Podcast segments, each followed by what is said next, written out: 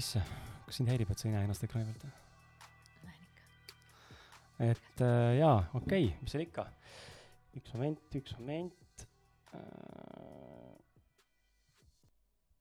tahan seda siit saada siia.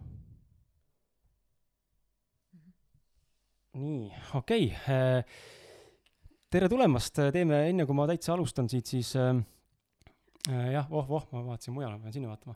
et tere tulemast äh,, enne kui alustame, siis äh, ole hea, teeme sellise kiire äh, kontrolli.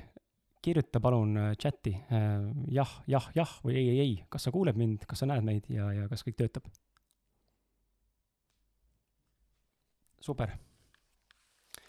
super, väga lihtne, väga mõnus, aitäh, aitäh, aitäh, juba tuleb hea küll, tere tulemast, tere tulemast kuulama, vaatama Ausamehe podcasti esimest webinari ja tegemist on siis webinari sarjaga Kontaktis endaga teise osaga, mille külaliseks on siis Merit Raju, kes istub mu kõrval.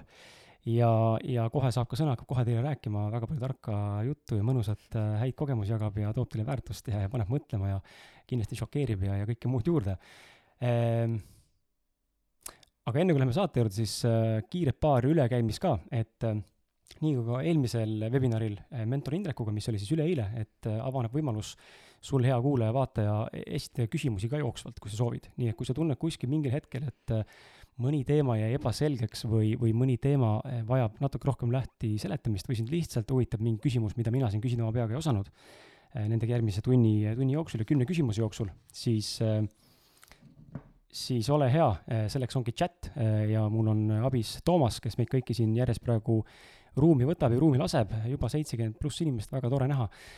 ja Toomas haldab siis chati küsimusi, nii et parimad, parimad nii-öelda siis, mis iganes definitsiooni põhiselt, siis parimad jõuavad nii-öelda eetrisse ka ja kuni viis küsimust küsime siis pärast seda, kui tund aega umbes on salvestatud ja mina oma jutud olen ära küsinud ja ära rääkinud ja Merit on ennast minu küsimuste osas tühjaks vastanud nii et äh, lähme aga sellega, selle teemaga edasi ja siis sa tead, et äh, sul on võimalus osaleda ja, ja aktiivselt kaasa lüüa veel enne, ole hea äh,, ole hea, mine vaata miljon.ee, et kui sa veel kuulnud ei ole ja veel kursis ei ole ja veel ei tea, siis tegelikult webinari sari äh, Kontaktis endaga on ju eelkõige tegelikult äh, ka raamatu tutvustamiseks, mis on kohe-kohe jõuludel ilmumas samanimeline raamat Kontaktis endaga, mis on siis ausad mehed podcasti esimene raamat, minu enda kolmas, kogu au ma enda peale ei võta, sest tegelikult seal löövad kaasa veel nelikümmend kuus vabandust, mina nelikümmend kuues, nelikümmend viis äh, külalist ja osalejat, kes siis enda häid mõtteid, väärtust, elukogemust, äh, ma ei tea, läbikukkumisi, ebaõnnestumisi,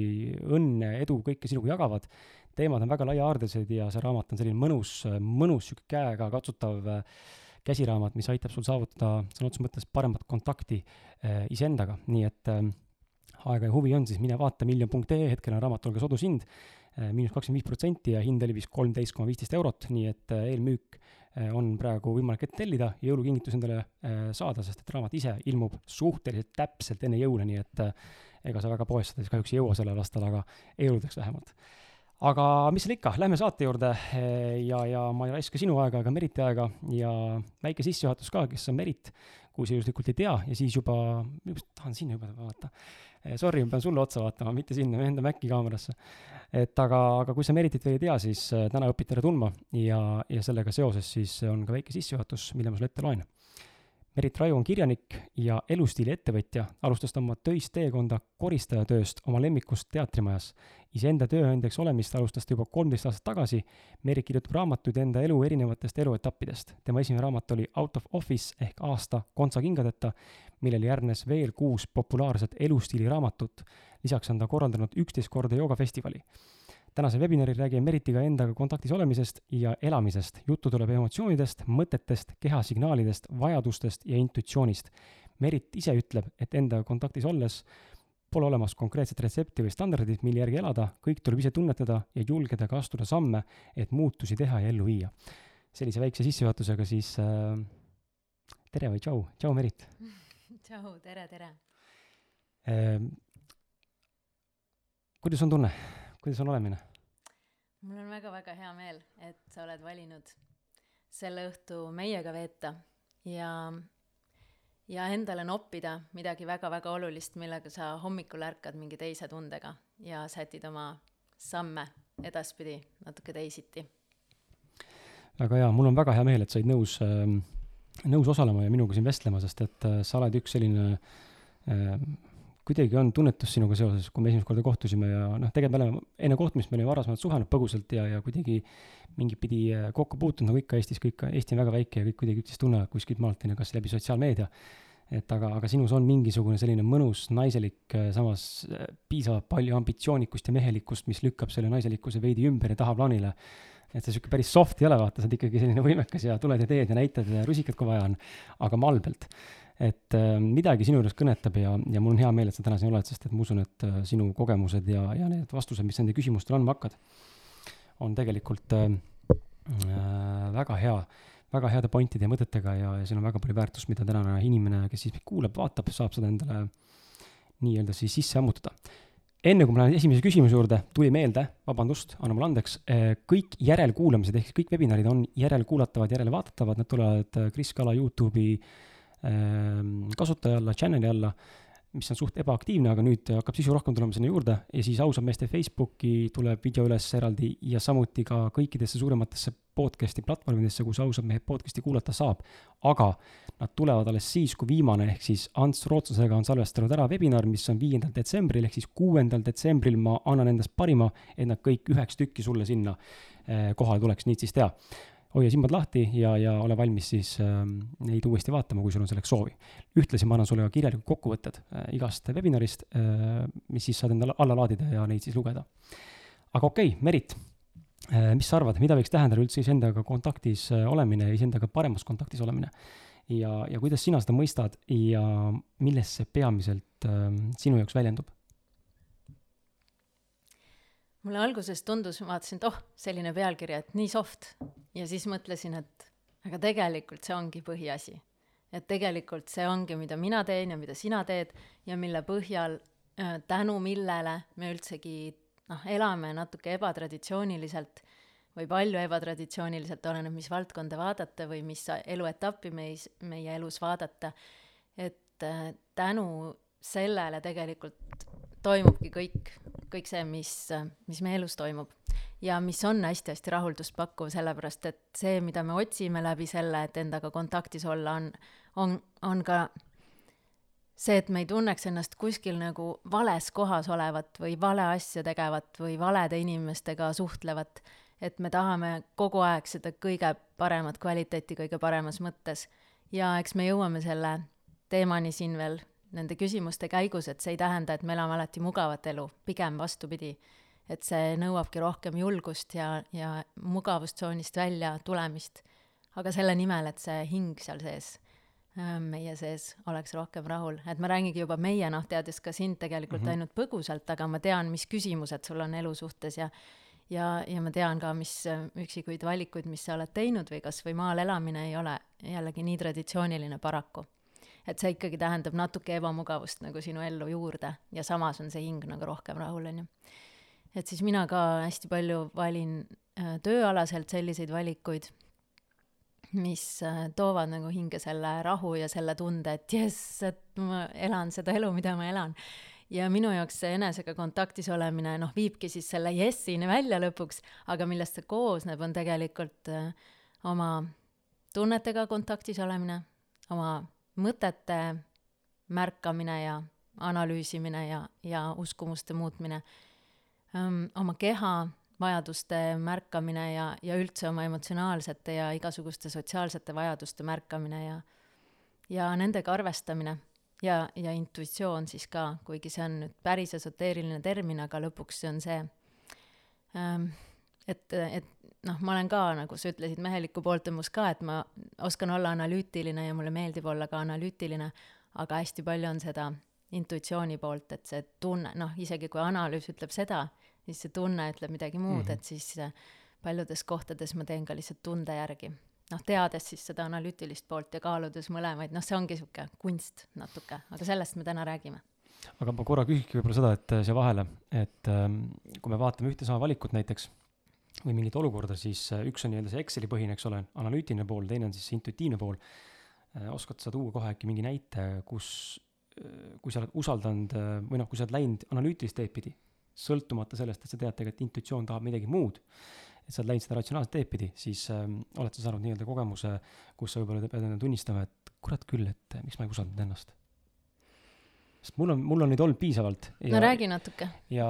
siis räägi mind soojaks selles osas. mul tuleb lihtsalt üks nagu praktiline näide meelde ainult, kus ma tegin ka analüütilise ja mul oli väga hea meel, et ma tegin analüütilise. et jällegi vahel on nii, on ju. et näiteks mul oli nagu mingi kogus raha, mida ma tahtsin investeerida ja, ja siis ma mõtlesin, et ma ostan Viljandis väikese ahjuküttega korteri, et seal on hästi palju nunnusid maju ja seal on nagu nii ilus maastik ja, ja, ja armas linn ja, ja mõtlesin, et sinna tuleb siis väike üürikorter tudengitele või midagi.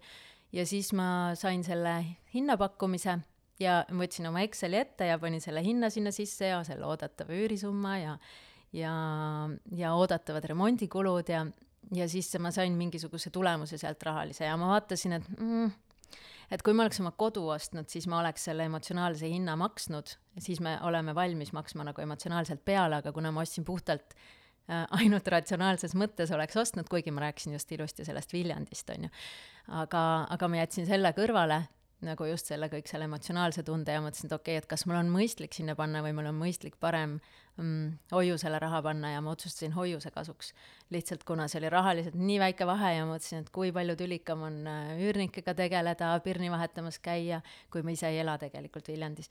et see oli nagu näide, kus ma võisin olla ratsionaalne ja kus oligi mõistlik olla ratsionaalne, aga oma elu sellistes suuremates valdkondades, et milline töö valida või või noh, kasvõi mul pakuti ühte, ma kohe tahtsin sul ka rääkida, äh, kunagi pakuti ajakirja peatoimetamise tööd ja mm, ja kuigi ma põhimõtteliselt ei tahtnud kusagile tööle minna ja ka sellel perioodil elus ei tahtnud tegelikult üldse kusagile tööle minna, aga mõtlesin, see on nii äge pakkumine, sest ma nii hullult kardan seda, ma ei tea üldse kuidagi, kuidas ajakirja toimetatakse või mis see on ja ma nägin, kui hästi see tegelikult sobib mu noh, sellega, mida ma armastan tegelikult teha, kirjutada inimestega, suhelda, need teemad, mis eh, on sellised enesearengu teemad ja, ja mis siis, et see ei sobinud otseselt mu elu hetke, aga ma siis ka ütlesin mõned oma tingimused, näiteks et ma käin ainult kaks korda nädalas kontoris ja sellised ja teen seda niimoodi projektipõhiselt, mitte nüüd niimoodi otseselt töövõtjana. et siis see tegelikult sobis nii mulle kui ka, kui ka sellele kirjastusele ja siis ma kuigi ratsionaalselt võib-olla ei oleks pidanud võtma midagi sellel ajal vastu um,, siis, sest mu laps oli liiga väike, siis lihtsalt intuitsioon oli nii, et paa, et see paneb mind nii nagu elama seestpoolt, see mõte ja, ja hirmu tundma samal ajal, mis on ju tegelikult selline noh, et ära siis mine sinna, kus sa mhm. tunned hirmu, aga seda me ka juba teame, et see on tegelikult see enesearengu koht, kus, kus peab nagu hirmu ületama. et see oli väga hea valik tegelikult, otsus ja mul Sinu... ei olegi, ei ole konkreetset näidet tuua sulle, ma üritasin mõelda nagu, et kas, kas tuleb midagi, aga jään vastuse võlgu, aga mis mul pähe kargab ainukesena ongi mingid nagu sellised standardnäited, ähm, kui ma olen tegelenud erinevate varaklasside kauplemisega turul, noh, nii-öelda onju. et ka seal on selles mõttes ratsionaalne analüüsi, analüütiline pool ja teine on see intuitiivne tunne, mis ütleb mulle, et ära mine või just mine. ja seal ma olen astunud mm -hmm. sellesse ämbrisse väga palju, kus tegelikult mõistus on öelnud mulle, suutnud ära seletada või maha müüa, et tuleb minna tehingusse. kuigi intuitsioon ütleb mulle, et nagu never ever, ei ole mõtet minna nagu, et see, see ei ole mõte, see on täiesti vale asi, mida praegu teha.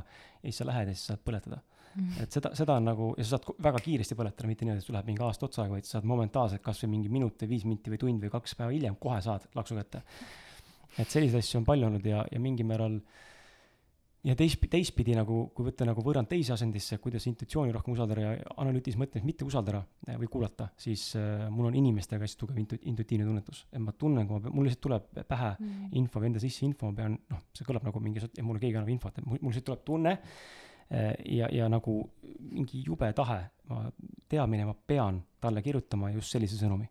miks, ma ei tea ja kui ma, kui ma mõistusega hakkan seletama endale, miks ma pean kirjutama talle, vaid ma ei teagi teda, siis ma näengi, et seal puudub igasugune nagu loogiline seletus, miks ma peaks talle kirjutama, aga tunne on mm -hmm. selline, peaks talle kirjutama, pakkuma talle seda mm. -hmm. ja seal ma alati usaldan yeah. ja see toob alati positiivseid tulemusi mm. -hmm. äge, jaa. tõesti, et see julgus ka inimestega, võõraste inimestega ühendust võtta, mul on ka nii hea meel, kui keegi, keegi niimoodi, see on ju mugavast tsoonist välja, et ma hiljuti käisin ühel koolitusel ja siis üks naine tuli juurde ja, ütles, et aa, et ma olen su raamatuid lugenud ja et kas, kas me võiksime lõunale minna ja ma küsisin pärastlõunat nagu temalt, et kui suur eneseületus see sinu jaoks oli, et sa tulid seda küsima mm, -hmm. sest noh, minu jaoks oli, et jaa, muidugi ja väga hästi ja sobib ja kõik nii ja ja võtsin seda nagu hästi lihtsalt ja ma ei näinud, et ta nagu pabinas oleks, aga ta ütles, et jaa, et ma olin nagu täitsa närvis ja et see oli ikka nagu suur samm minu jaoks. et selliseid suuri samme, kui sul sisetunne ütleb, et tahaks, siis tegelikult vaata pärast on ju hästi raske tunne, kui sa ei teinud, ei teinud seda, seda ikkagi, miks, miks ma ei julgenud või miks ma ei viitsinud et äh, sellistel hetkedel? Mul oli see, selline hetk oli mul Robin Sharmaga Saku Suurhallis. Uh.. ma ei julgenud lihtsalt, ma olin tal nagu, ma läksin, hiilisin taha ruumi sinna, kus ma nägin teda. Ja siis ma tahtsin teda nii väga karjuda, oli must sihuke kahe meetri kaugusel. Ja ma teadsin, et tal on kiire. tahtsin nii väga karjuda, et Robin, please one picture umbes onju, teeme ühe pildi ja ma lihtsalt tundsin mõistusega ütlema, et kuule, ära hakka segama nagu, ta võib-olla ei taha, vaata, tal on kiire, ta on ikkagi Robin Sharma, vaata noh, mis sa tüütad mm.. ja ma kahetsema ei teinud tegelikult seda, mul oli raamat mm. käes, noh, ma jooksin sellepärast sinna, aga tarbusin. seega jaa, see on paha tunne pärast, kui sa tegelikult ei, ei kuulanud enda tunne tunnet või, või tegutsenud sellele nagu vastavalt. aga okei okay, eh,, analüütiline pool läheb kokku mingil määral siis nagu selles mõttes äh, mõtlemise ja, ja, ja mõtetega äh,. minu küsimus järgmine sulle on siis see, et äh, kui me räägime mõtlemisest siis äh, ütleme, ma arvan, et ka sina, hea kuulaja ja vaataja täna oled, tunned igapäevaselt võib-olla isegi seda, ma arvan, ja mina tunnen kindlasti igapäevaselt seda ähm,, kuidas, kuidas vahepeal läheb mingi mõttesaag läheb täiega käima lihtsalt äh,. konkreetselt mootorsaag läheb tööle ja ma lihtsalt toodan mingit äh, jama, mis tegelikult ei vasta üldse tõele, olgu need mingisugused väiksed fragmendid äh, ees olevast võimalikust, ma ei tea, mingist olukorrast, mis võiks juhtuda, on ju, või, või a la kukun trepist alla, näen seda oma peas, on ju, näiteks noh, ikka juhtub vahepeal mingeid imelikke asju või, või lihtsalt tulevad mingid hirmumõtted või mingisugused muud mõtted, siis, siis äh, neid, neid mõtteid, mis enda peas igapäevaselt ketravad ja sisse voolavad niimoodi, kas me tahame või mitte, neid on väga palju. ja, ja ma olen nagu ise ka avastanud ja sinuga eelmine kord rääkisime ka sellest samal teemal, et tihtipeale need tegelikult ei vasta tõele üldse. Need mõtted, mis siis muutuvad mingi ajaga pikku uskumuseks võib-olla või juba ongi uskumused, eh, nad ei vasta tõele nad tegelikult ei defineeri meid ja, ja need uskumused on tegelikult nii-öelda kuskil mujalt saadud või kuidagi lihtsalt äh, noh, ongi valed uskumused. ja minu küsimus sulle siit on see, et äh, äh, kuidas teha vahet, millised mõtted on tõesed ja millised on nii-öelda siis valed, noh, noh, nii-öelda valed, on ju, et äh, ja ja kuidas sina siis äh, soovitad inimestel hakata enda mõtlemist muutma sellises suunas Äh, et see reaalselt ka meie eesmärke teostaks ja aitaks ka neid eesmärkide suunas nagu liikuma hakata, et äh, kuidas hakata seda filtreerima, mis siin peas tegelikult toimub, kus ma tean, kas ma, kas see mõte on päriselt minu või see on kuskilt sisse voolanud hirmust või millestki muust? jaa, on ju terve hulk igasuguseid infokanaleid, kust me saame sisendit enda sellele mõttekorrusele. Ja no nagu ükskõik, seesama, mida sa praegu kuulad või siis uudised, mida sa loed või, või Facebook, mida sa rullid või noh, see algab juba loomulikult lapsest äh, peale, et öeldakse, et kuni kuuenda või seitsmenda eluaastani on tegelikult lapsed täiesti sugereeritavad, et kõik, mis neile öeldakse, nad arvavad, et on täiesti puhas tõde. me täiskasvanuna no, ikka veel mõtleme, et on puhas tõde, näiteks kui on trükitud midagi, siis on kindlalt puhas tõde või meil on nagu mingid sellised, mingid äh, standardid või mingid nüansid, mis äh, teevad mingi info usaldusväärsemaks ja siis me võtame seda rohkem tõesena, kui mingid naised saunas rääkisid infot, kuigi see ka tundub tõene. aga, aga jah, et kõige, kõige suurem mm, roll on siis tegelikult juba lapsepõlvel, et et kui, kui meile öeldakse, et sa ei saa hakkama või, või et sa saad hakkama, siis me selle, seda hakkame nagu tõesena võtma. Ja noh, meil on mõlemil väiksed lapsed, et siis me selles mõttes, ma arvan, et sina ka, et me vaatame väga palju, mida ja kuidas me ütleme lastele, et ähm, ega see lihtne ei ole alati kontrollida, et mul, minul on seda, ma näen ise isana, elukaaslasena mul väga tubli siinkohal, et äh, suur aplaus sulle, aga mina olen rohkem siin see hädapätakas, kes ikkagi vahepeal tuleb mingisugused äh, noh, siuksed laused või mõtted väljaütlemised, mis tegelikult tunned nagu, et aga miks ma niimoodi ütlesin praegu, nagu kas oli vaja niimoodi öelda või? noh, emotsiooni pealt öelduna või mingisugune reageering. ja siis ma mingi aeg mõistsin, et ma mingites situatsioonides oma tütrega käitun või, või räägin temaga täpselt nii, nagu minu isa rääkis minuga mm. -hmm. ja siis ma tundsin ära selle, sain aru, et kurat, et see ei sobi mulle Need on jah, need automaatsed mustrid ja tegelikult see noh, kahju tehakse siis, kui seda regulaarselt tehakse, et see ongi see, mida mida me püüame mõlemad Krisiga erinevates majapidamistes ja erinevate lastega ja erinevates eludes, et me ei, lihtsalt ei ütle mingeid asju, mida on kombeks öelda, näiteks lapsele, et mis sul viga on, sest et noh, kui ta lihtsalt väljendab oma emotsiooni, siis see ei tähenda, et tal on viga. et äh, seda saab hoopis teisiti küsida, nii et see tunduks palju hoolivam ja palju sellisem, noh, nagu et, et ma kuulan, mida sa, mis mi,, mida sa vajad või, või mis praegu juhtus, et miks ei Ka, läinud. kaastundlikum ju. jaa, mhm. on ju, sest mis sul viga on, väga hinnanguline ja selline, noh, näiteks lihtsalt. et need asjad on need, mida alguses ütlevad vanemad lastele ja pärast saab see meie sisehääleks, me hakkame ise ütlema näiteks, et ma ei ole piisav või ma ei saa sellega niikuinii hakkama või ah, et ma olen liiga kole selleks või, või ma olen kuidagi vale või ma ei sobi siia või ja et need on nagu ühtelaadi mõtted, mida ongi tõenäoliselt kõige raskem muuta, sellepärast et need on nii omased meile olnud nagu miljon aastat juba või selles mõttes sellest ajast peale, kui me väiksed olime ja ja see ongi see noh, nagu kalavees ei tea, et seal on nagu vesi või mingi mm, puravik seal marinaadis, ei tea, et, et see on marinaad, et ta lihtsalt seal nagu on.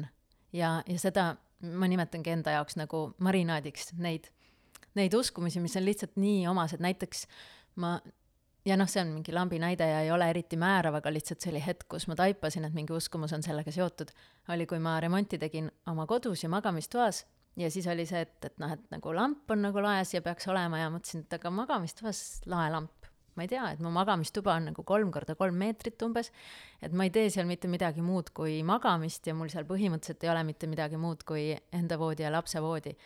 ja ja mul on tolmuimeja robot, ma isegi ei käi seal nagu noh, pesemas selles mõttes nagu kuidagi sageli või kuidagi nii, et ma lasen siis lihtsalt selle roboti sinna ja sinna tegelikult ei ole üldse mitte mingit valgust vaja, et kui, siis okei okay,, et noh, kui tõesti on vaja, et siis saab sinna mingi laualambi, põrandalambi, midagi sellist panna.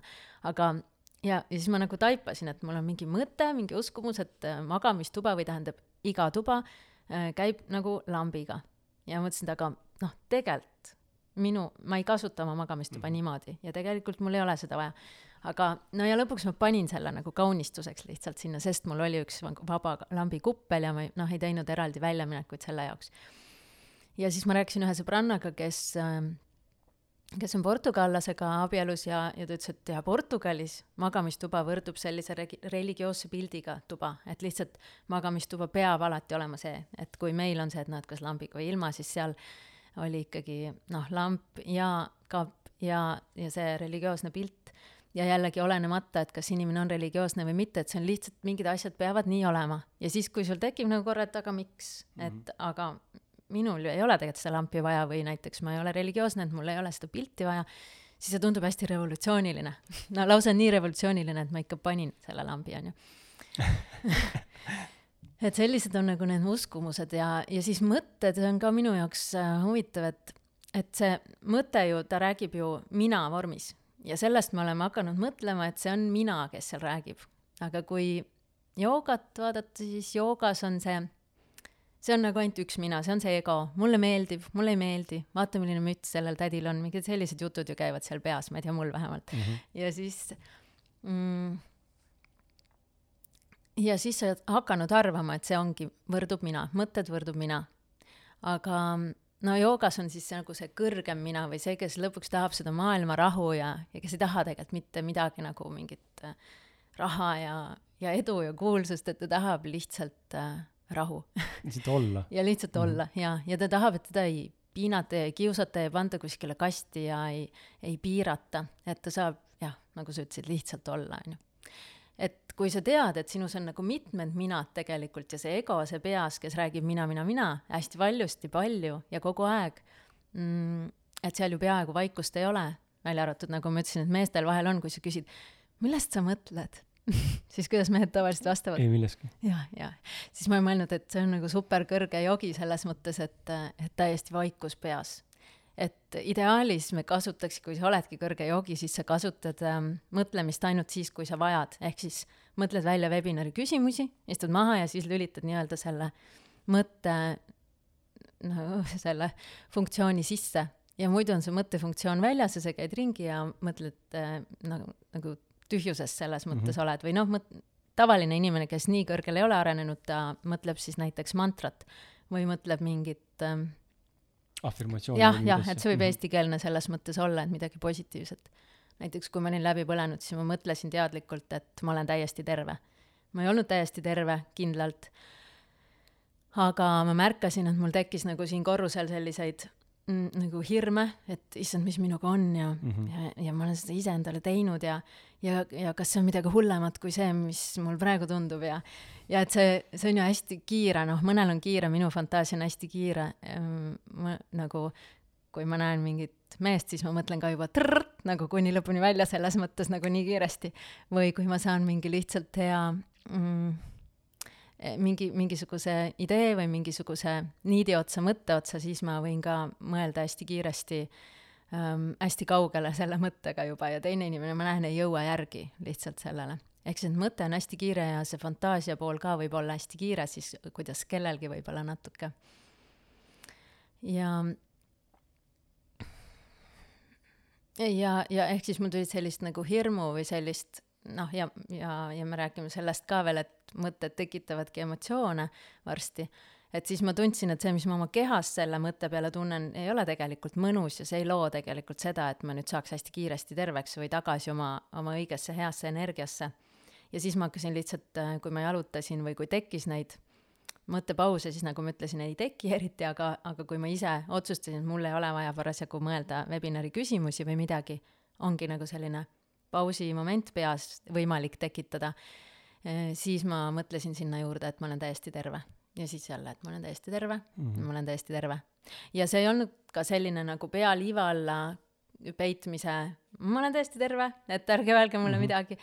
et eh, noh, ma samal ajal pidasin nõu arstidega ja toitumisnõustajatega ja inimestega, keda ma usaldasin tervise teemal. et selles mõttes ma tegelesin nii kiiresti, nii palju, kui ma sain sellega ja samal ajal nagu süstisin endasse seda positiivsust. ja kui ma vaatan, kui mu laps näiteks, see sügis tal ei ole olnud, aga eelmine sügis, kui ta ärkas hommikuti, vaatas, sihuke ilm, vaatas nagu mm. aknast välja ja see on hästi eestlaslik ja nii tore, kui laps mängib seda niimoodi hästi nagu karak-, karakteerselt välja või nagu hästi iseloomulikult või hästi värvikalt välja mm. -hmm. ja siis sihuke ilm ja siis ma olen kui sa nüüd niimoodi ärkad, siis missugune see päev siis tuleb mm, -hmm. kui mhm. sa kohe ennast häälestad niimoodi, et kui sa mõtled, et aga kui ilus hall, et kui palju erinevaid halle toone on üldse olemas, nagu muidu me ju ei, ei märka seda. aga november võib ka olla väga-väga ilus aeg. et, et see on ka see, et märgata, et mis seal korrusel toimub, mida me, millist marinaadi me nagu endale tegelikult tekitame, on ju. ja kuidas seda siis märgata, see ongi, ongi mingid momendid, kui on sul see magamistoa juhe on seal laes ja mõtled, millist lampi, millist lampi, oota, aga milleks lampi? et see mm -hmm. ongi nagu neid hetki tulebki hästi teadlikult otsida, sest et neid uskumisi on nagu kõik kohad täis tegelikult, et edu on see ja hea on see ja halb on see ja õige on see ja vale on see ja ja isegi kui üks mu tuttav tuli töölt ära, teatas mulle, et äh, ma tulin sealt töölt ära ja siis mul oh,, mis sa tegema hakkad ja ma, oh, vale skript, vale skript yeah., no nagu mõttetu, ma olen ise ju samamoodi teinud, töölt ära tulnud ja ma ei taha, et mult nii küsitud, mis sa tegema hakkad. sest point ongi selles, et sa ei tea, mis sa tegema hakkad sellel hetkel. sa lihtsalt tead, et see ei olnud see ja, ja sa tahadki seda pausi, hingetõnge, tõmbehetke ja seda, kus see hing on olnud seal kastis võib-olla, ja sa saad korra nagu, ta taha-, sa tahad, et ta tiibu sirutaks ja, ja korra vaataks ringi, et kuhu poole ta tahab minema hakata ja kõige lollim on küsida, et mida ja mis sa siis tegema hakkad, sest et Need inimesed ei tea seda isegi kui nad teavad, neil on mingi, isegi plaan olemas, siis tegelikult ju innustus on ikkagi toredam kui see, et ja, oh my god, saad sa hakkama sellega, appi kui suur ettevõtmine ikka, sul ikka on piisavalt finantse kogutud või? nagu ja, ja ta on vastu... mõelnud selle peale no, juba pigem vastupidi, ülikõva, davai, et äh, ma toetan, kui vaja on ja anna minna, et äh, äge mm. -hmm. Ja ma tegin seda veel eelmine nädal nagu, olles ise mingi kolmteist aastat vabakutseline ja kaks korda koondatud ja ma ei tea, mitu korda töölt ära tulnud, et et need on lihtsalt sees meil, mingid asjad, et kuidas mingis olukorras käituda ja mida öelda ja mida mitte öelda. keegi kirjutas, ei kuule heli, kas, kas see on nüüd, kuuleb, kuuleb, see on järelikult Kai endal mingi asi, vaata, kas kuskil on äkki sul ohohohoo, ma ei teagi, mis siin olla saab, kuskilt on mingisugune asi maas järelikult, sest ülejäänud inimesed tundub, et vist kuulevad. mul on seda olnud Zoomis, kui ma olen telefonist tulnud Zoomi ja ja, ja see on mingi, mingi selline tehniline asi, seal tuli mingi teine valik teha näiteks või midagi sellist mm. -hmm, mm -hmm, okei okay.. ehk siis jaa, uskumused, hea, halb, vale, edu, mis on edu, et, et käia selliste inimestega läbi, kellega sul on nii, et hmm, aga tõesti, äkki tõesti edu on see ja äkki ma ei pea seda mm -hmm. taga ajama, mida ma siin nagu noh, ajalehest lugesin või, või seriaalist vaatasin, et võiks eduks nimetada. sa mainisid emotsioone, lähme kohe siit ka nende emotsioonide juurde, et ähm, minu esimene küsimus on, kui emotsionaalseks sa ennast pead? Ma olen sellega tööd, tööd teinud, tõenäoliselt ma olen emotsionaalne ja tõenäoliselt peab vist olema ka, kui me nagu meiesugused, et me tahame või nagu ka teiesugused, nagu meie kõigi sugused, et me tahame oma sisetunde järgi elada, et siis äh, peab mingit emotsiooni olema, et, et sa nagu, et sa ei oleks kogu aeg nagu neutraalses kohas, vaid sa saad aru, et see mulle ei sobi või et või et see mm. sobib väga hästi, et jess, jess, see tekitab sellist nagu elevust ja seda, seda õiget tunnet, no põhimõtteliselt nagu armumise tunnet, et, et selliseid asju valida, mis nagu armumise tunnet tekitavad. aga ma mõtlengi just sellele seda, et ka sina, hea kuulaja, korra mõtle enda peale, et kui ma küsin küsimust, et kui, kui emotsionaalseks inimeseks ennast pead, siis ma pean silmas selle küsimuse all tegelikult mm -hmm. kahte aspekti, üks on see, et kuivõrd emotsioonidest juhitud sa oled, ehk siis kui plahvat, plahvatuslik sa oled nii-öelda, onju, kuidas sa reageerid emotsionaalselt ja kui palju, ja teine mm -hmm. siis on mhm. see, et kas sa julged näidata enda emotsioone mm, -hmm. et nuttu mm, -hmm. õnne, hirmu -hmm. ka mis iganes kahtlust, onju, et eufooriat, et need kaks osapoolt mul on vist selles osas õnn nagu elada nii, et noh, kui see on nagu see null nulljoon ja siis siin on nagu noh, maks-, sellised positiivsed emotsioonid või nagu sellised positiivsed seisundid ja siin on nagu sellised ähm, negatiivsed seisundid, kohe me räägime sellest ka, et kas on üldse positiivsed või negatiivsed olemas, et siis ma nagu liigun siin, siin kõrges sfääris, et mul ei lähe nagu siia mm -hmm. või noh, sinna nulli lähedale ka üldiselt ei lähe, et mulle tundub selline elu nagu mugavam või, või selline noh, mul on nagu enda nahas nagu turvalisem, et ma tean, et ma ei kuku kuskile väga mm -hmm. ära nagu ja et ma saan ka teisi inimesi hoida või et mu töö ongi ka osaliselt see või paljuski see, et nagu teiste inimeste, ma ei tea, tuju üleval hoida või, või nagu sellist positiivsust leida ja näha. ja ettevõtjate kohta öeldakse ka, et nad on selles mõttes lootusetud optimistid, et, et lihtsalt arvestades, kui väike on see ettevõtete ellujäämise määr või et, et me lihtsalt julgeme seda, seda teha aga, ähm, aga kuidas jaa, emotsioon, jaa, mul aga ma juhin siis võib-olla küsimuse selles suunas, et kuidas siis äh, oletame, kui noh, kui sul on mingi stabiilne emotsioonide nivoo on ju, positiivne või negatiivne, nagu sa ütlesid, tegelikult võiks seletada ka, mis sa jaa, jaa, seletame küll jah, et ma mõtlen lihtsalt, mul ei lähe nagu tuju ära või nagu halvaks või ähm, noh, ma ei lähe nagu nagu negatiivseks või kurvameelseks nagu alla nulli, et ma märkan, et oo, et see tekitab mulle kurbust või mhm. mm -hmm. et see võib, see kindlasti on ja, ja ma kindlasti märkan seda, et see ongi see endaga kontaktis olemine, et ma märkan oma tundeid, aga aga kuidas sa seda siis nagu, vot siin on nüüd see mm -hmm. oluline küsimus, mis mind mm, -hmm. mind ennast nüüd huvitab ja ma arvan, et ma arvan, et paljusid, kes seda vaatavad ka, et kindlasti teie sees, teie sees on ka inimesi nagu Meritki, kes suudab enda nagu teadlikult asja vaadata ja mitte lasta sellel kurval tundel või, või emotsioonil ennast üle võtta, aga minu puhul, mis ma iseenda elus näen mul väga tihti äh, tuleb mingisugune seesmine pask sõnas mõttes pinnale ja ta hakkab niimoodi ruineerima, sööma mind ja mul tekib sihuke mõnus, äh, kerge sihuke õhkõrn eneseviha iseenda vastu aeg-ajalt. ja siis ma näen, ma jään mingisse tsüklisse kinni, mingisse emotsiooni onju ja, ja mingisse tundesse ja see hakkab looma, looma, lõpuks mul on sihuke tunne, et ma olen viimased kolm tundi keskendunud ainult sellele, kui pekkis kõik on. ehk siis ma nagu kaon ära sinna. kuidas sellest välja tulla? et kui sa tabad ära selle, et sul on piisavalt teadlikkust, täna sa jõuad sellesse staadiumisse, kus näed, et ahah, see oli negatiivne mõte, et tõepoolest see mm -hmm. tekitab minus mingisuguseid pingeid, kehva tunnet, aga kuidas nüüd see läbi lõigata, niimoodi, et ma ei lähe selle asjaga kaasa? jaa, just, et tunded on väga normaalsed ja sel-, selles mõttes, selles mõttes negatiivseid ei ole, et lihtsalt võib-olla temperatuuri mõttes nagu negatiivsed, seda ma mõtlesin enne et emotsioonidel on hästi tähtis roll ju anda märku nagu meie piiridest või sellest, noh, nad on nagu indikaatorid, et kas me olemegi õigel teel või ei ole või, või kas see asi puudutas meid või ei puudutanud. et viis põhiemotsiooni pidid olema inimestel, et rõõm, kurbus, viha, üllatus ja vastikustunne mm.. ja see pidi olema nagu noh, kultuuriliselt nagu igas kultuuris. jaapanlaste osas kaht-, kaheldi, et kas neil on seda vastikustunnet näiteks, aga siis näidati neile videosid mingitest soolikatest ja sellistest asjadest ja, ja filmiti nende näoilmeid, sest nad kogu aeg vaatasid niimoodi mm. -hmm. niimoodi neid soolikaid, vaata.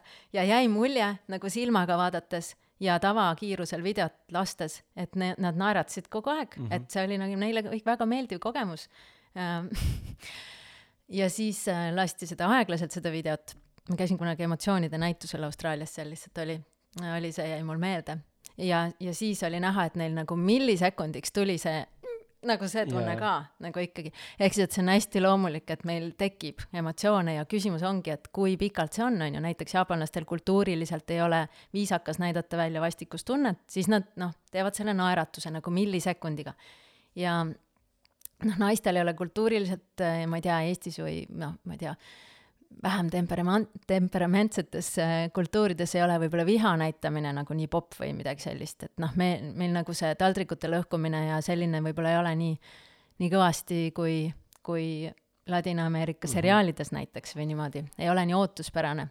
ja mina ka näiteks olen endal selle vihatunde nagu suht ära lõiganud, sest et seda on ebaviisakas äh, näidata ja, ja tõenäoliselt mul ka väiksest peale ei ole noh, seda soodustatud väga, et kuule, jaa, jaa, et kärista ja lõhu ja karju ja märatse, on ju, et pigem nagu tüdrukud on nagu vaiksed mm -hmm. ja, mhm. ja nii, et ma sellega olen täitsa lausa tööd teinud, et ma üldse tunneksin viha, kuna see oli üks nendest viiest põhiemotsioonist, mis on igas kultuuris ja igas inimeses ja viha annab tegelikult hästi olulist signaali, et sinu piiridest tuldi üle või mm, -hmm. või see asi ei sobi mulle ja, ja noh, ma siis olen nagu ära vingerdanud või olen hästi pehmelt püüdnud öelda või et ja noh, pehmelt ma püüan endiselt öelda, aga ma nüüd nagu märkan rohkem, et oo, et see mulle ei sobinud ja siis ma väljendan seda, et noh, seda ei peagi väljendama taldrikuid lõhkudes, et seda saab igat moodi, erinevat Kah, moodi. kahvli loopides jaa, veel parem on ju. et, et see on nagu üks, et tõesti enda, enda neid emotsioone märgata ja siis sa saad, noh, natuke saad valida, eks ma lapsele ka õpetan, kuidas nagu viha kanaldada selles mõttes mm -hmm. erinevates, et, et seda ei pea alati ühtemoodi näitama et siis noh, eks meil on nagu mingid padjad on selle jaoks äh, või mingi trampimine või ma noh, ma olen ka naerujooga juhendaja, et siis me oleme ka lihtsalt naernud, mis noh, mingis mõttes nagu ei ole õige, et nagu oma viha üle naerda või nii, aga lihtsalt, et see on see, et kui sa küsid, et kuidas mitte kinni jääda, siis see on nagu üks viis, et et ähm, noh, nii nagu seda mina näha nagu, et näe, see mõttetasandil ja siis on see mingi see kõrgem mina, et neid on, minasid on mitu nagu, et siis see viha ka, et noh, üks on see, et ma tõesti tunnen, ma olen täiesti sees, aga teine on see, et hm, aga ma vaatan kõrvalt ja äkki naeran selle üle ja siis pärast mõtlen edasi, et mis sellega nagu siis nüüd teha, et see mingi retsilt nagu ärritas mind tegelikult. et see ei tähenda jah, selle nagu peitmist, aga just, et sa ei pea seal pikalt nagu põdema või pikalt äh, marineerima ennast mm -hmm. jällegi. Öeldakse, et äh, mõtted tekitavad emotsioone. Ja, ja ehk siis, et kui sa saad valida mingi muu mõtte, no näiteks ma mingi äh, laulu peal kaotasin korraks lapse ära ja ma ei olnud talle kirjutanud mingit telefoninumbrit kuskile, nagu ma nägin, et teistel lastel oli, sest ma olin nagu noh, suht kindel, et ta on nii alalhoidlik, et ta on minu lähedal, et ta pigem hoiab minust kinni ja ta oli vist mingi viieaastane ja ma olin ka teda treeninud, et noh, et, et ta teaks mu nime ja ma ütlesin, et kui sa kellelegi ütled mu nime, siis ta alati leiab internetist mu telefoninumbri mm -hmm. või et me saame nagu tegelikult äh, hakkama, on ju, et sa pead lihtsalt mu nime mäletama. ja ma olin nagu kindel, et esiteks, et see ei juhtu ja kui juhtub, siis ta mäletab mu nime ju ikka, võib-olla noh, viieaastane on ju. Äh, ja siis ta kadus mu vaateväljast ja siis ja siis ma nägin, mis need mõtted teevad, et äh, nagu ma ütlesin, mul on kiire fantaasia, ja siis äh,, ja siis juba kõige hullemad stsenaariumid ja siis juba noh, vastavad emotsioonid ja siis mõtlesin, et oota, aga äkki ei ole, et ta ju pidi mind seal ootama ja ma, ma, nagu, et ma ei ole veel piisavalt lähedal sellele kohale, et pff, et see, et ma nägin, et mingid mõtted kütsid kohe seda emotsiooni nagu saja peale või saja tuhande peale ja mingid mõtted tegelikult rahustasid seda mm -hmm. emotsiooni ja noh, pärast tuligi välja, et oli lihtsalt kümme meetrit eemale liikunud sealt kohast, kus ta mind ootama pidi, ma muidugi jätsin lapse kuskile ootama, onju. Ja sest ta muidu oli selline laps, et paned ta sinna ja siis ta on seal nagu ükskõik kus nagu kodus ka, et ma sain igasuguseid asju, joogatunde ja kõike teha, et ma panin ta lihtsalt istuma ja ta tund aega oli vaikselt nagu, aga lihtsalt tal jah, et, et ma nägin, kuidas sai natuke reguleerida mõtetega seda, mis, mis tundeid me tunneme. Ja öeldakse, et kui sa jääd noh, nagu mõtled siis neid õigeid mõtteid sellel hetkel, mis nagu rahustavad sind või mis on noh, ka võimalik sellel hetkel, siis sa üheksakümne sekundiga saad selle tunde tegelikult ümber pöörata. ja no me räägime sellistest igapäevatunnetest, kui sul ongi mingi trauma olnud või mingi, mingi väga karm kogemus, siis on tegelikult ikkagi terapeudid ja selline noh, teadlik töö sellega, et see ei ole nii, et noh, kirjutan päevikusse, et kui tänulik ma selle eest olen või et see on tegelikult ikkagi töö endaga mm -hmm. või nagu professionaaliga, et noh, ja tänapäeval õnneks on igasuguseid rohkem kehalisi, nagu noh, eile ma rääkisin just ühe sõbrannaga, kes tahaks rohkem läbi tantsu enda teemadega tegeleda, on rohkem selliseid meditatiivseid, muutunud teaduse seisundis hingamisega, jututeraapiaid, mingi noh, kõike, kõike you name it ja ja neid ka, kuhu kohale ei pea minema, seda internetis teha, on ju ka viha sa mainisid korra tegelikult, äh, mina ise olen näinud, et viha olen ma olnud võimeline nii-öelda väga palju ka tegevusse suunama, et see annab väga palju niisugust ambitsioonikust sellist, noh, ta on küll tõest-, ta on tõestuse pealt võib-olla suht mm -hmm. palju, mis ei ole kõige õigem võib-olla mm -hmm. tõestada, mitte, mitte, noh, peaks endale tõestama, mitte teistele, aga aga see viha annab väga palju jõudu, et teha midagi päriselt ära ka, kui sa oled mm -hmm. nagu mhm. mingis seisus mm. -hmm. ja võib-olla on ka wake up call selles mõttes, et äratab üles sind, kui ikkagi tekib viha selle vastu, et kurat, ma elan täna siukses peldikus või mul on siuke olukord, onju. või mis iganes situatsioon täna sul on, onju, ma vihkan oma tööd, siis see on jälle see drive, mis võib-olla paneb liigutama, et aga siis on vaja midagi muuta, nagu päriselt mm. -hmm inimesed kirjutavad praegu, vaatan seal kaks naisterahvast, Eve ja Marit, kui ma õigesti näen, jah, või näen küll. mõlemad on maininud seda tegelikult, et, et emotsionaalsed on küll, aga välja ei julge näidata. et äh, mina mehena saan siinkohal öelda, et äh, näita välja ja, ja see on kirjas ka, et, et äkki, äkki, et kui nutta, siis ei oska teised sellega äh, võib-olla toime tulla. mina mehena mingi hetk, ma ei mäleta küll, millal see olla võis, aga ma arvan, et see oli üks noh, ütleme sihuke suures laastus kümme aastat tagasi võib-olla. tegin otsuse, et ähm, vahet pole, mis emotsioon mul on nii-öelda, isegi kui see on nutmine, siis see on okei okay, teha seda ka teiste ees avalikult. mida tavaliselt mehed ju, mehed ei nuta, on ju, mehed ei nuta, mehed on rauast, on ju.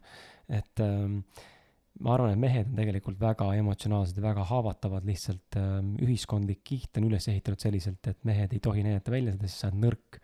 mina ütleks, et mehed on, või üldse inimene on, inimene on tegelikult tugev, kui ta näitab enda emotsioone ja asju välja ja, ja ma olen näinud seda, et kui, kui ongi olukord, kus ma nutan näiteks ja keegi näeb pealt seda, siis ega, ega ma ei pea mõtlema selle peale, kas ta oskab sellega toime tulla. ma ei vaja tol hetkel inimese nagu otsest nagu mingit lohutust või tähelepanu. Äh, ma lihtsalt tahan endast selle välja saada ja siis tuleb, on ju, et kinni hoidmine mulle tundub, on kindlasti palju hullem kui nagu välja lasta.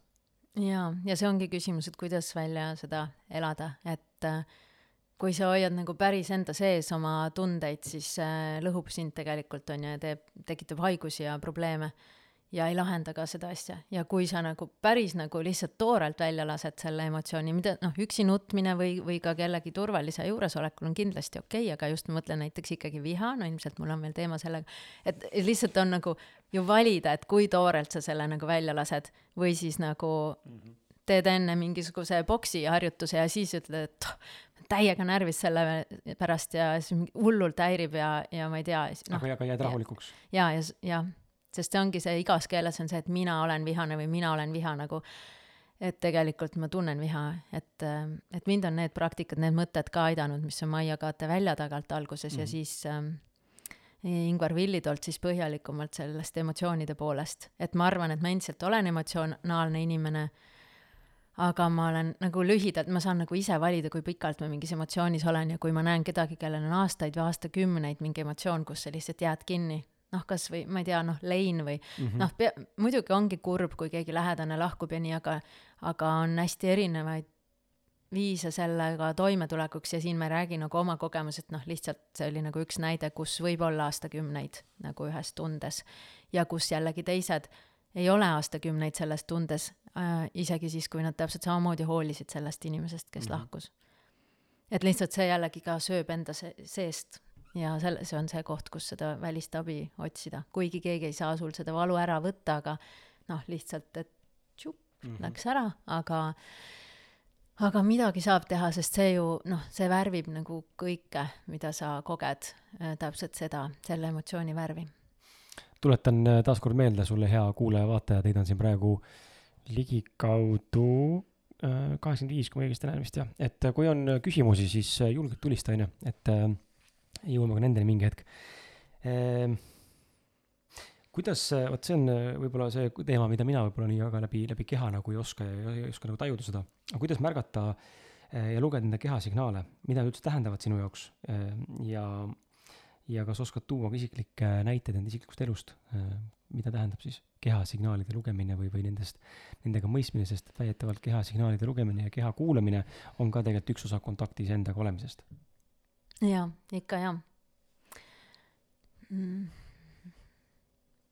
jaa, näiteks nagu kass, kes su kõrval on, et ma kunagi, kui ma olin ise alustav ettevõtja ja töötasin öösiti ja väikse lapse ema ja see oligi see, mis mind selle läbipõlemiseni viis, mm, et selle kõige nagu ühe mütsi alla sobitamine, et ma vaatasin ka oma kassi ja mõtlesin, et talle ei ole nagu midagi, kui on nagu uneaeg, siis ta lihtsalt läheb voodisse. aga inimesed, nagu mina ka ja siiamaani aeg-ajalt, kuigi ma hästi teadvustan seda, eh, et ähm, uneaeg on käes, noh, sa tunned ju oma kehas, kui uneaeg on käes ja siis on ikkagi noh, ma Netflixi ei tea, aga mul tuli lihtsalt Netflixi näide, et nad ütlevad, et nende konkurent on uni. et mm -hmm. nad ütlevadki selle välja.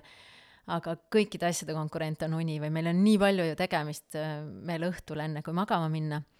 ja meil juba ju tegelikult silmad nagu vajuvad ja mul on hea meel, kui sinul see nii ei ole, et sa lähed selle esimese signaali peale magama. et see on see üks koht, kus kuulata keha ja see on see üks koht kus, kus äh, seitsekümmend protsenti läänemaailmast libastub ikkagi ja läheb hiljem magama, kui kui keha ütleb. ja mina noh, lihtsalt pean noh, täiesti ongi nii, et ma pean endaga kokku leppima, et kui ma tulen arvutisse pärast lapse uinutamist, siis ma teen ainult selle ühe asja ja siis ma pean lõpetama ja ja et ainult niimoodi mul toimib, et ma pean tõesti hoidma nagu täiega kätt pulsil, et ma, et ma kuulaks ennast selles kohas ja, ja noh, teades oma vajadusi. muidu, kui ma näiteks joogatunde andsin või noh, annan praegu ka, aga nüüd ainult internetis, aga siis mm, siis ma ikka ütlen, et et tee seda harjutust ainult nii kaugele, kui sa saad, et kuskile, nagu me nimetame, nagu hea valupiirini, et selles mõttes mitte ainult nagu ainult mugavustsoonis, et noh, et, et keera pead nii palju, kui saad, noh mm -hmm, mm -hmm, jaa, nii lihtne harjutus, vaid et sa teed noh, nii kaugele, kui sa saad ja siis ähm, ja sa ei pinguta üle, selles mõttes ei keera nagu mingi nagu öökull nagu pead tagurpidi või et siis need, kes on uued inimesed joogas olnud, nad on öelnud, et et nad ei saa aru, kus on see mingi hea valupiir või et seal on üldse mingi skaala nagu, et ühest kümneni, et ma saan seda harjutust teha sinnamaani või kuidagi. et neil on tegelikult ähm, on-off nagu kas saan või ei saa. ja, ja siis see tähendab, et kehaga ei ole erilist kontakti, et, et noh, et sa ei saa aru, et sa saadki lihtsalt aru, et äh, okei okay,, et pea peal seista ma ei saa, et see on nagu off ja siis ülejäänud asju ma saan teha, aga tegelikult pärast homme on nii, et mis asi see oli nagu, et mul on nii, nii ebamugav olla. Et äh, noh, kasvõi kõige lihtsam asi, hingamine. et see, kui me istume arvuti taga ja kuigi mm, jälle ma räägin meil, kuigi ma ei tea täpselt sinu päeva, aga selles mõttes, et meie, ma tean seda, et meie päev on nagu enda korraldada, aga see tähendab ikkagi, et me oleme päris palju arvutis ka mm. -hmm. see tähendab ikkagi, et me oleme istumisasendis ka ja nii nagu me kõik siis niimoodi elame tänapäeval, enamasti noh, üksikud töökohad, ma ei tea, juuksur ja, ja kirjakandja ja mingid on sellised natukene tempokamad töökohad mm,. ja siis me ei hinga piisavalt, et äh, räägitakse et, et kümme protsenti kopsumahust kasutame ainult. et me oleme kogu aeg lihtsalt hingitseme ja me ei märka ise seda, aa ei, ma hingan küll, noh et, et sest et off ju ei ole, on ju, et ma nagu päris, nagu midagi ju tuleb läbi ikkagi aga seda, et see ei ole kehale piisav, seda me ei saa enne aru, kui meid ajab haigutama või, või kui me saame õue ja tunneme, nii värske õhk. Ja samamoodi surume alla näiteks haigutust, sest me lihtsalt ei viitsi või see on kahjuks ka sotsiaalselt selline sobimatu ja nüüd, kui ma räägin seda sõna, siis ma tahan ise hakata ka haigutama, on ju. et tegelikult haigutusel on mega palju kasulikke mõjusid mm, et see aktiveerib meie ajus empaatiat ja, ja sellist mängulisust või sellist valmisolekut mingiks põnevuseks. Ja lisaks siis annab ka portsu hapnikku ajule, mida aju nii väga januneb, eriti kui me palju istume. ja, ja siis me surume selle lihtsalt alla, sest et noh, see nagu ei sobi hästi teha või see on kuidagi väga niimoodi, võtab mingi tüki elust ära, et mingi kolm sekundit nagu lõuad laiali vahepeal olla. Et sellised asjad, mida me ei märka ja noh, siis on nagu vetsus käimine, ma ei tea, kas sul on vahel olnud, et ei viitsi minna või noh, näiteks mul niimoodi hommikupoole ööd mõnikord on ju, või, või ma ei viitsi praegu püsti tõusta, et äkki, äkki ma ikka saan nagu, saan ikka hakkama hommikuni on ju, noh, mingid sellised asjad.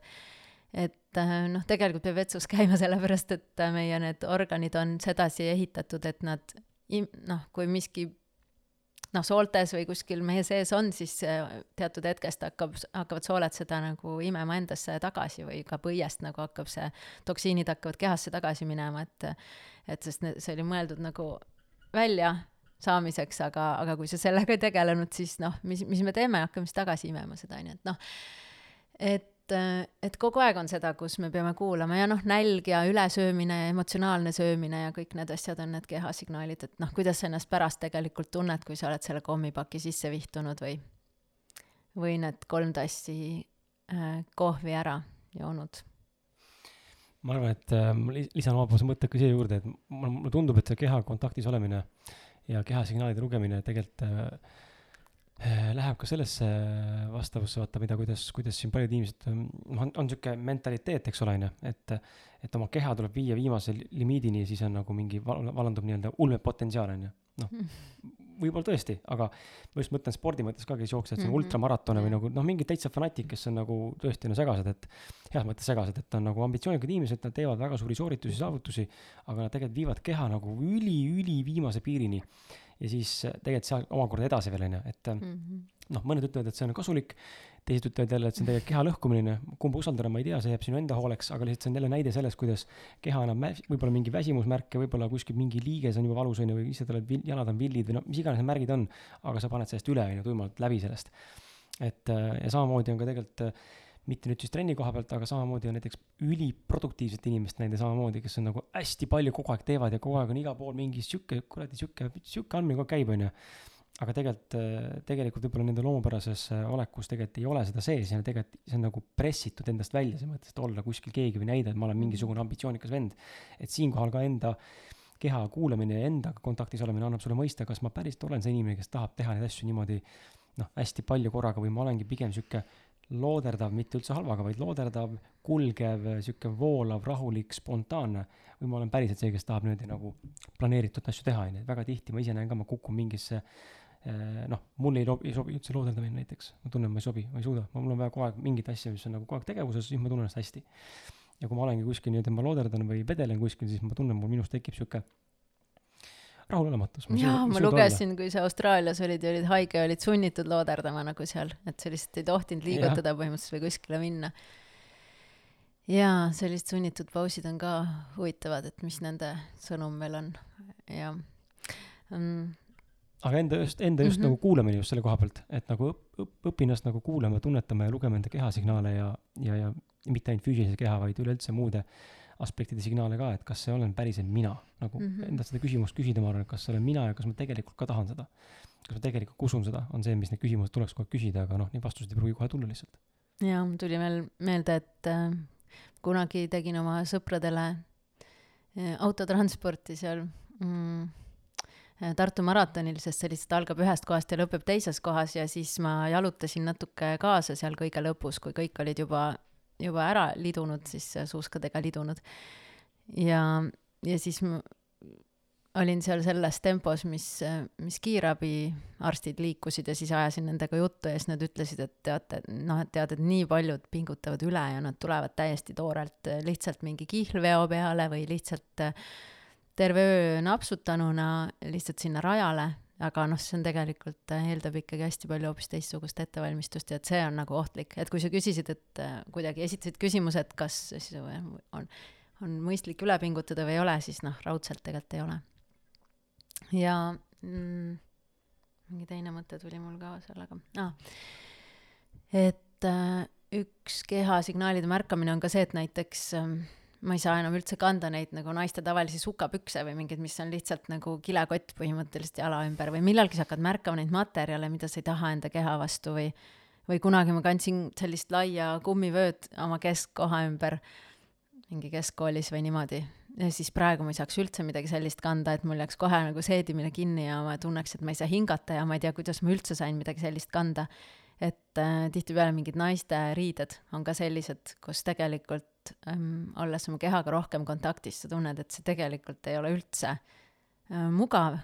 ma ei saa hingata, ma ei saa liigutada ja, ja see sügeleb et siis sellised, sellised asjad ka, et hakkad märkama aina rohkem siis, kui oled seal märkamise teel. et tahad rohkem naturaalset siis lõpuks mm. -hmm. ja rohkem olla, nagu me rääkisime, et hing tahab olla, siis keha tahab ka olla et laske mul olla, ärge pange mind kuskile kilekotti ja, ja kummivööga kinni siis kehaga oli mul veel see, et keha nagu väljendab meie emotsiooni, et ähm, noh, multikates on alati äh, mingid tegelased, on alati mingisuguse kehakujuga ja sa saad selle järgi aru, et kas nad on nagu rõõmsad tegelased või õnnetud mm -hmm. tegelased või, või kurjad või kurvad või.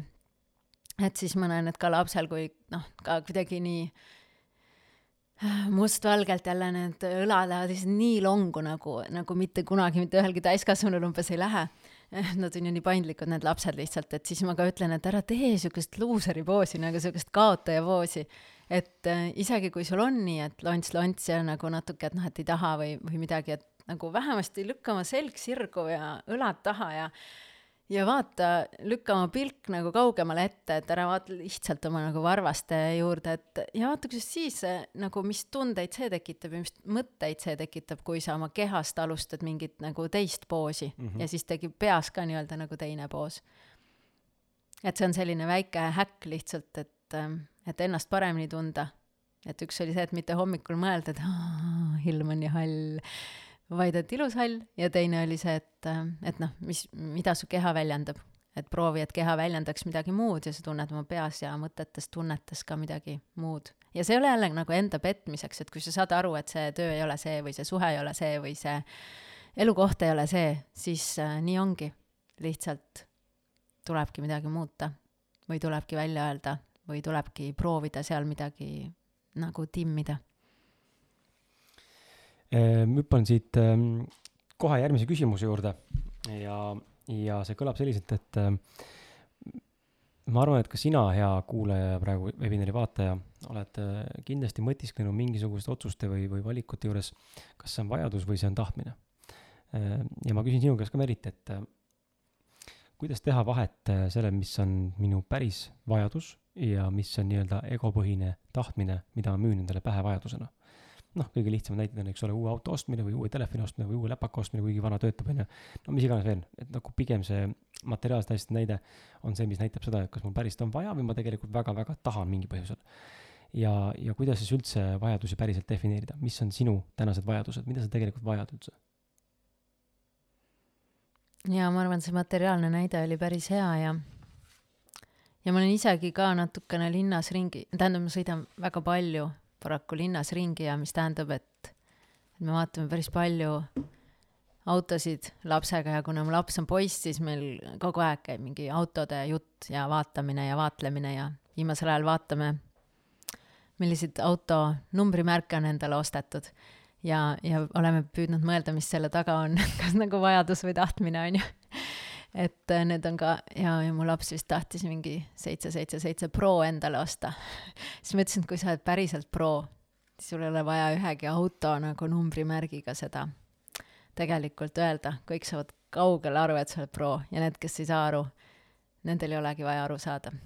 et ma pigem olen ka nagu seal kohas, et, ähm, et rohkem selline ta-, tagasihoidlik ja, ja kui ma olen mõelnud, milline auto võiks olla, siis meil on tegelikult sama, sama mark on ju, mitte päris mark on ju, kuidas nimetatakse? sama, sama mark, mudel, mudel on teine. mudel on teine, jah, just, just, okei. Okay.. sest ma vaatan autosid põhimõtteliselt värvi järgi ja siis ma tean, et see on mingi mark ja mudel ka, on ju et ähm, see ongi küll tegelikult, et kui ma olen sõitnud linnas ja vaadanud läbi kõik margid ja kõik, mis on olemas, siis ma olen jõudnud ikka sinna, et tegelikult lihtsus, lihtsuses on võti ja, ja minu autos võib süüa jäätist ja ajada putru ümber ja, ja mul on mõnikord äh, nagu mingid nurgad olen kuskil kivi otsa ära sõitnud ja siis on täiesti nagu rahu sellega, et äh, kui mul oleks nagu Bentley, tuleb selline mm -hmm. kaubamärk või auto ähm, mõttesse, noh siis ma vabistaks ja siis ma loeks neid purusid seal autos ja siis ma ähm, põeks, kui ma olen mingi nurga ära sõitnud et äh, nüüd on nagu rahulik, et see on lihtsalt tarbeese mm -hmm. ja mm, ja seda mõeldagi. et ma arvan, see on juba laste finantsraamatutes, et noh, et kas ma vajan või ma tahan seda ähm, ja noh, mitte et ainult nagu vajadusepõhiselt, eks mul on ikka emotsionaalseid asju ka veits või lähen ühte kleiti ostma ja tuli kolm ähm,.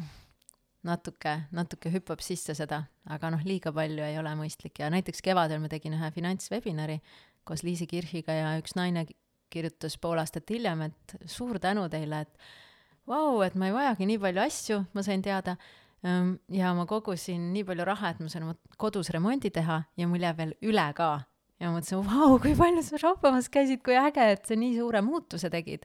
et sa nägidki, et enamus on tegelikult lihtsalt emotsioon mm -hmm. ja, ja kui äh, tegin ühte meditatsiooni ka, kus oli päeva mõte oli see, et kõik on olemas sinu sees. Siis ma natuke, noh, ütlesin seda lapsele ka, et tänane päeva mõte on, et kõik on olemas sinu sees.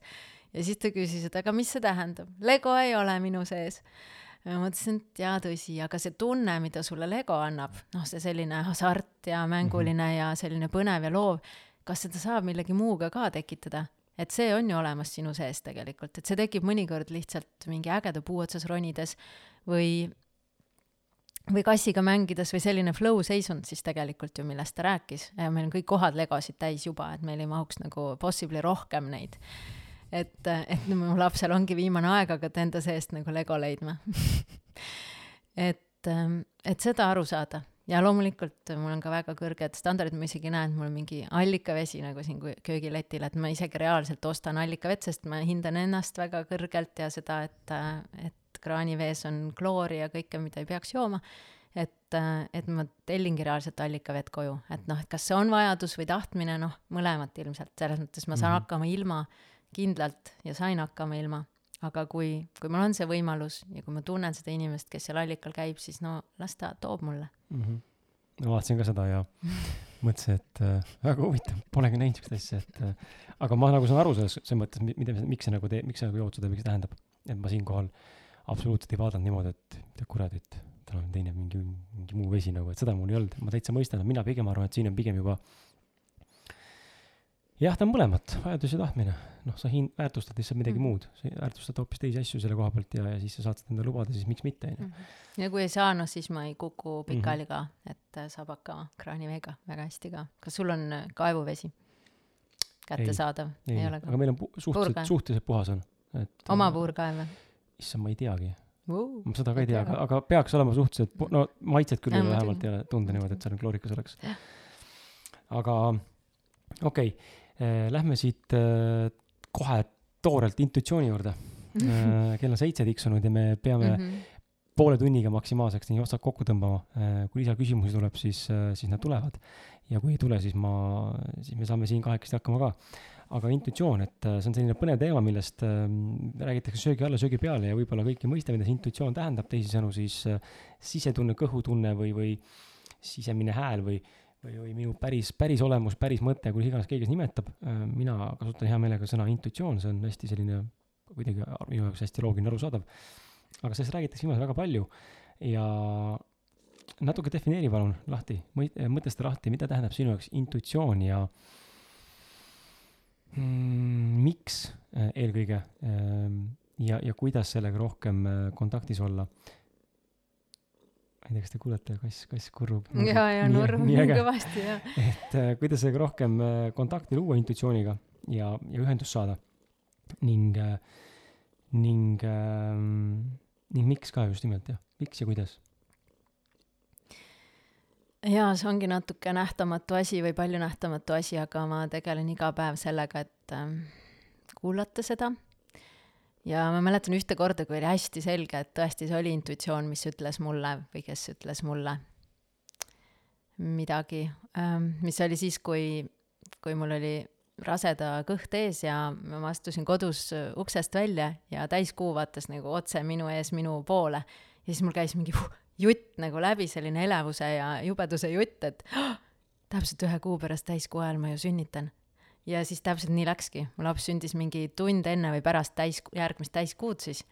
ja see oli täiega intuitsioon, et nagu ma ei tea, et see läkski täpselt nii ja see oli nagu nii selge selline tunne ja selline nagu et äh, ülejäänud intuitsioonikogemused on tõenäoliselt sellised natuke pikemaajalisemad, et lihtsalt näiteks käisin rõõmsalt tööl kogu aeg äh,, kontoritööl ja mulle meeldis väga ja ma olin tihtipeale õhtul kella üheksani või nii kaua, kui ma jaksasin, mul ei olnud nagu eraelu, et mul oligi see töö ja see oligi mulle hästi huvitav.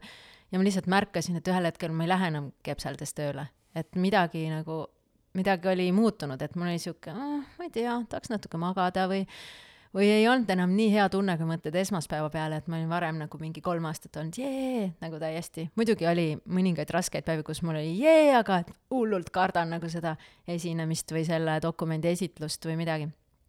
aga, aga see oligi see intuitsioon või noh, see tunne siis, kui piisavalt oma mõt-, mõtteid, emotsioone, keha märguandeid märkad ja siis sa saad aru, et aga midagi muutus, et äh, ma, ma ei ole enam nii, jah, ei lähe enam kepseldes tööle.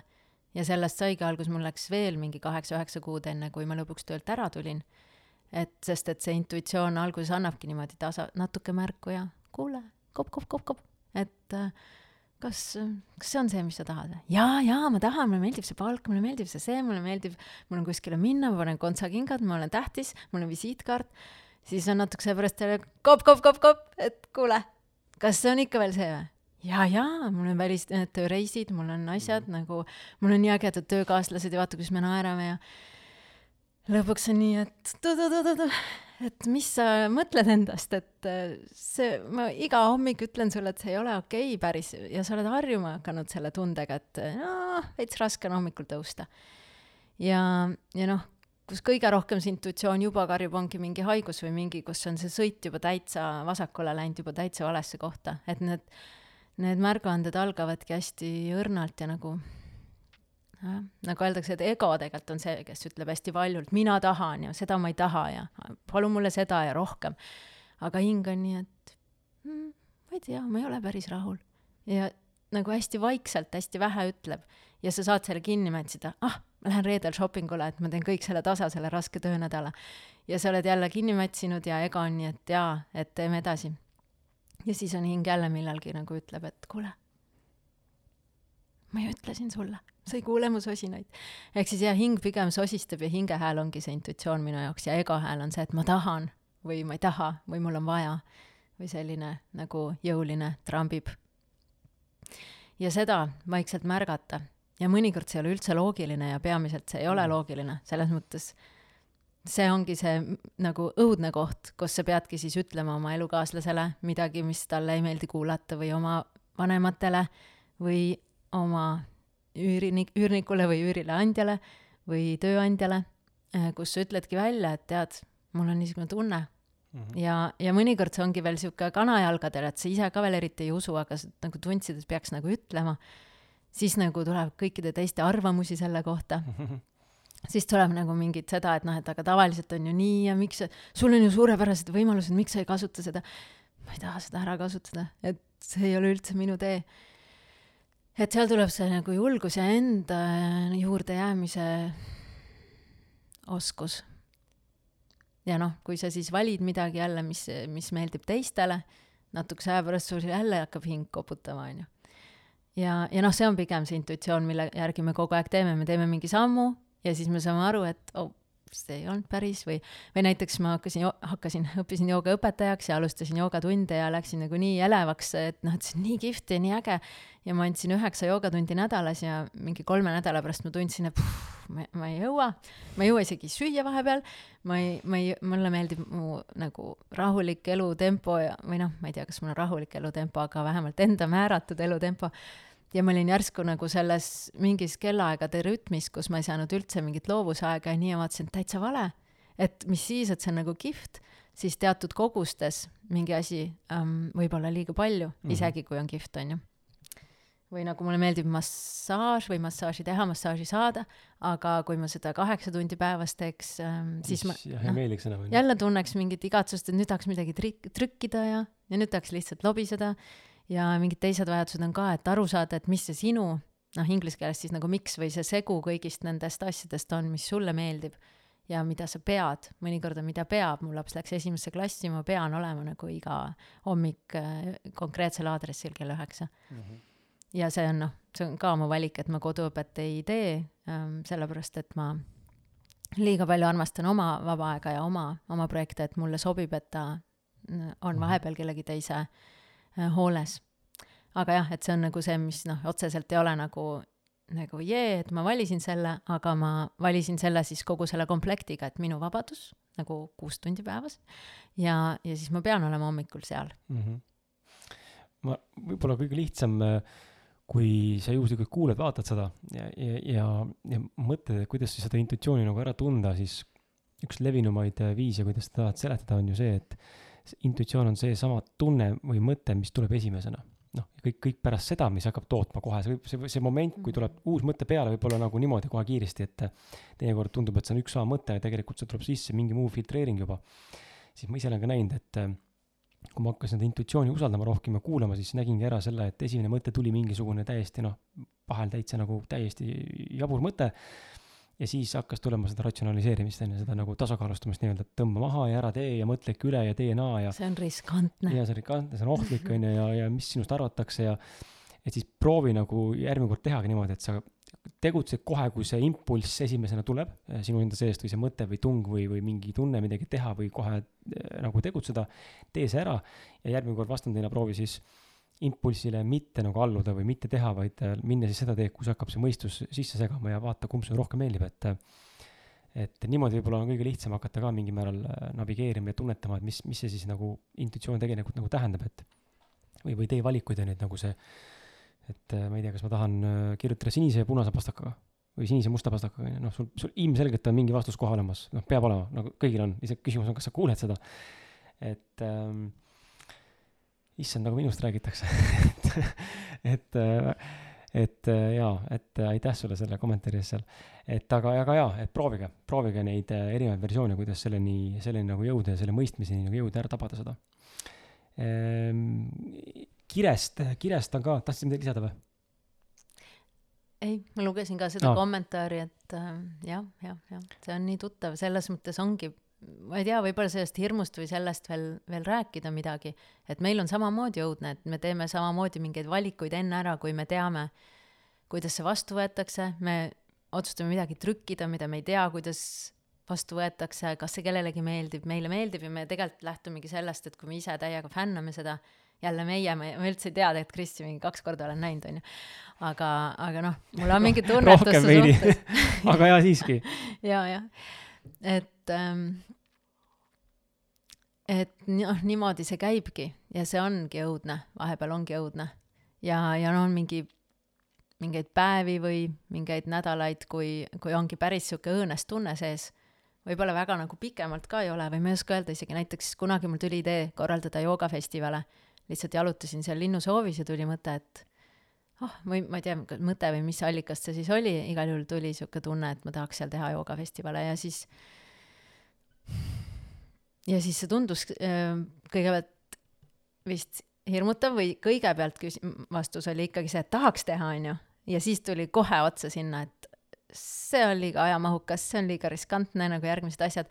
siis ma läksin koju, vaatasin mingit meilingut, mis oli igapäevane meiling, mis ma sain ja seal oli kirjas, et tee kümme esimest sammu ära ja vaata siis. Tegin kümme esimest sammu ära, ehk siis ma võtsin ühendust esinejatega ja Linnuse hooviga. kõik oli nagu roheline tuli ja ma mõtlesin, kümme sammu läksid küll nii kergesti, et võib-olla see on sulle ka, et kui sa mõtled, et mis võiks need sammud olla ja tee mingid esimesed ära, noh, kas need on siis kümme, aga ma tundsin, et see võis tõesti kuskil kümmekond olla.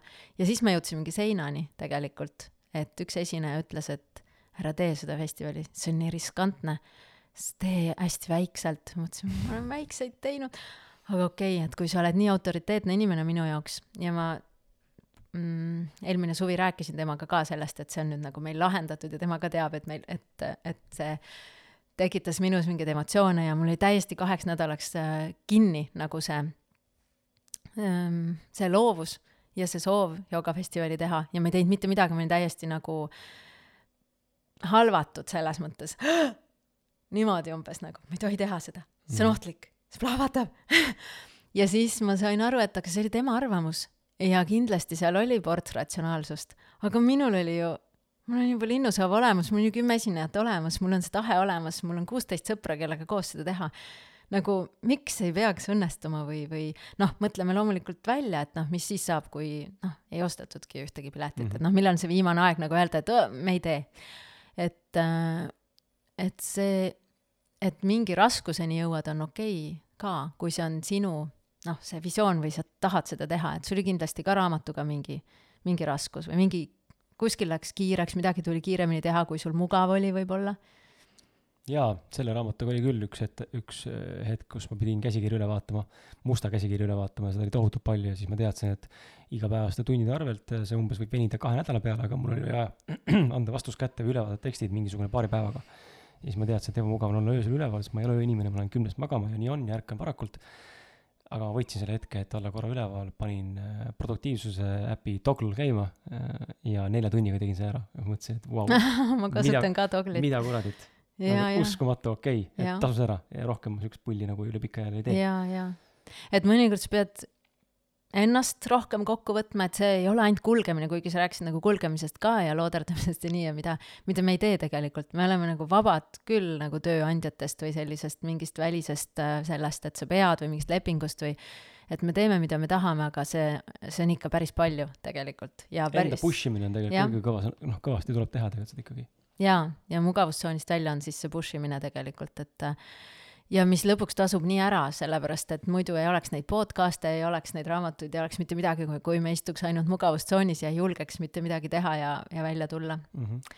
et äh, selles mõttes ma arvan, et võime öelda, et julgustame äh,, julgustame mingeid esimesi samme ära astuma ja loomulikult siis kuulama ka neid inimesi, kes oma selle negatiivse toovad või selle riskantsuse poole, sest see on tihtipeale mõistuse hääl ja paari asja sealt tasub kindlasti kuulata, et seda lihtsalt siis täpselt nii kuulatagi, et oota, kas see on mõistlik, kas see on tõsi, kas see puudutab mind või ta räägib tegelikult oma hirmudest, hästi palju ju räägitakse tegelikult sellest.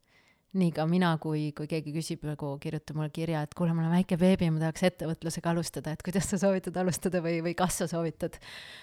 mul on nii, et ma hingan enne, et väikse beebiga ettevõtlust nagu nagu ma, nagu ma ei soovitaks, onju. jaa, et kui mul nii praegu oleks, siis ma ei valiks, aga see, et mina ei valiks, ei tähenda, et sina ei pea valima. et see on sinu tee ja kui sa tunned, et sa pead seda tegema, siis sa pead seda tegema. sest et see intuitsioon ongi see, mis ühel hetkel mm, avab uksi teinekord. jaa, ja nagu sul, et sa lambi inimestega võtad ühendust, et kui kihvt see tegelikult alati on olnud, kuigi see esimene samm võib-olla ei ole lihtne olnud, et et äh, ikkagi võõra inimesega rääkimine on selline noh, enda margi täis tegemise oht või, või enda mingisuguse noh, nagu selline tagasilükkamise hirm tegelikult on ju mm. -hmm. et see on, on täiega uh,. ja siis neid asju tehes kasvab enesekindlus ja, ja siis saab juba rohkem asju teha. ja. absoluutselt praegu vaatan seda kommentaari, mm, mille Kerlin kirjutas, et ma tooksin sellist ühe kiire näite, mis võib-olla, võib-olla aitab sul lahti mõtestada seda enda järgmist sammu, et kindlasti ei ole see see, et äh, tule töölt ära mm, -hmm. tule töölt ära ja mine täiega sisse sinna, et äh, see kindlasti ei ole see, aga ma toon näite, kuidas mina ise sattusin selle podcast'i teekonnal sellisesse olukorda, kus mul oli podcast tasuline mingi hetk ehm,. mul ei ole heli ehm,. jah, et keegi ütles, et ei ole heli noh, ma ei oska kahjuks kuidagi aidata praegu, proovi panna kinni ja uuesti sisse tulla, aga, aga et mul oli mingi hetk seis, selline seis, kus podcast oli tasuline ja ma tundsin, et ma ei soovi enam tasuline olla, eh, mis iganes need põhjused olid siis, aga ära lõpetada ka kohe ei suutnud, eh, ehk siis ma olin kahe valiku ees, kas eh, minna edasi tasulise podcast'ina ja tunda seda tunnet, mis mulle ei meeldinud, või jätta see pooleli, loobuda sellest sissetulekust, mille ma olin endale loonud läbi nende inimeste, kes mind toetasid, aitäh, kui sa olid neist üks neist, kes praegu siin kuulab ja mul oli konkreetselt valik, on ju, ja mulle soovitas äh, üks härrasmees, äh, kuidas selles asjas navigeerida, kui mõlema, mõlemad tekitasid minus pahameelt ja natuke halba tunnet. noh, sihuke, et nagu ma ei ole päris kindel, kumba nagu tahaks, aga kumbki nagu ei meeldi. ta ütles, et sul mõlemad on halva tundega, nüüd püüa seda, noh, marineerida nii kaua seda asja, kuniks üks neist muutub justkui halvemaks ja üks muutub paremaks, näiliselt ja mingi hetk ma sain aru, kohe kui ma küsisin endalt, kumb neist tekitab minus halvema tunde ja kumb neist tegelikult on parem tunne. parem tunne tekitas see, ma kaotan sissetuleku ja info on inimest tasuta kätte saada jälle. see oli koheselt nagu noh, märgatavalt üle, võib-olla mitte nagu seitsekümmend, kolmkümmend, aga ütleme viiskümmend viis, nelikümmend viis protsendi ulatuses üle. sama ka sulle siis, et kui sa seda Kerlin kirjutasid, siis et sa lähed vastumeelselt tööle ja teed seda vastumeelselt, aga ikka jälle annad, annad ego alla ja pikendan seda äraminekut ehk siis lepingut on ju. jälle, kui see, mis iganes hirm sul selle ees töölt äramineku juures on või mis iganes alateadlik mõttemuster selle juures on, mingi uskumus või mingi tunne, siis kui ta on halb, siis okei okay,, ära minna on halb, jääd palgast ilma ja on teadmatus, teistpidi tööl käia kohal, kus sulle ei meeldi, on ka halb ja sulle ei meeldi see, siis kumb on halvem? igal juhul kumb, emb-kumb neist peaks tekitama selles mõttes äh, mingi hetk sellise olukorra, kus tunned tunned nagu tungivalt, et ahah, see on selgelt kehvem ja see on selgelt parem ja siis teed otsuse. et äh, nii kaua marineeri ennast siis noh, ega ma ei oska muud midagi öelda, noh, see teinekord aitabki see aeg teinekord aitab ka mingil määral mõista. ja ma ka juba mingi üksteist aastat tagasi kirjutasin raamatu Leia oma tee, mis oli oma noh, tööalaste valikute raamat tegelikult ja mm, ja põhimõtteliselt esimese aasta uperpallidest nagu vabakutselisena.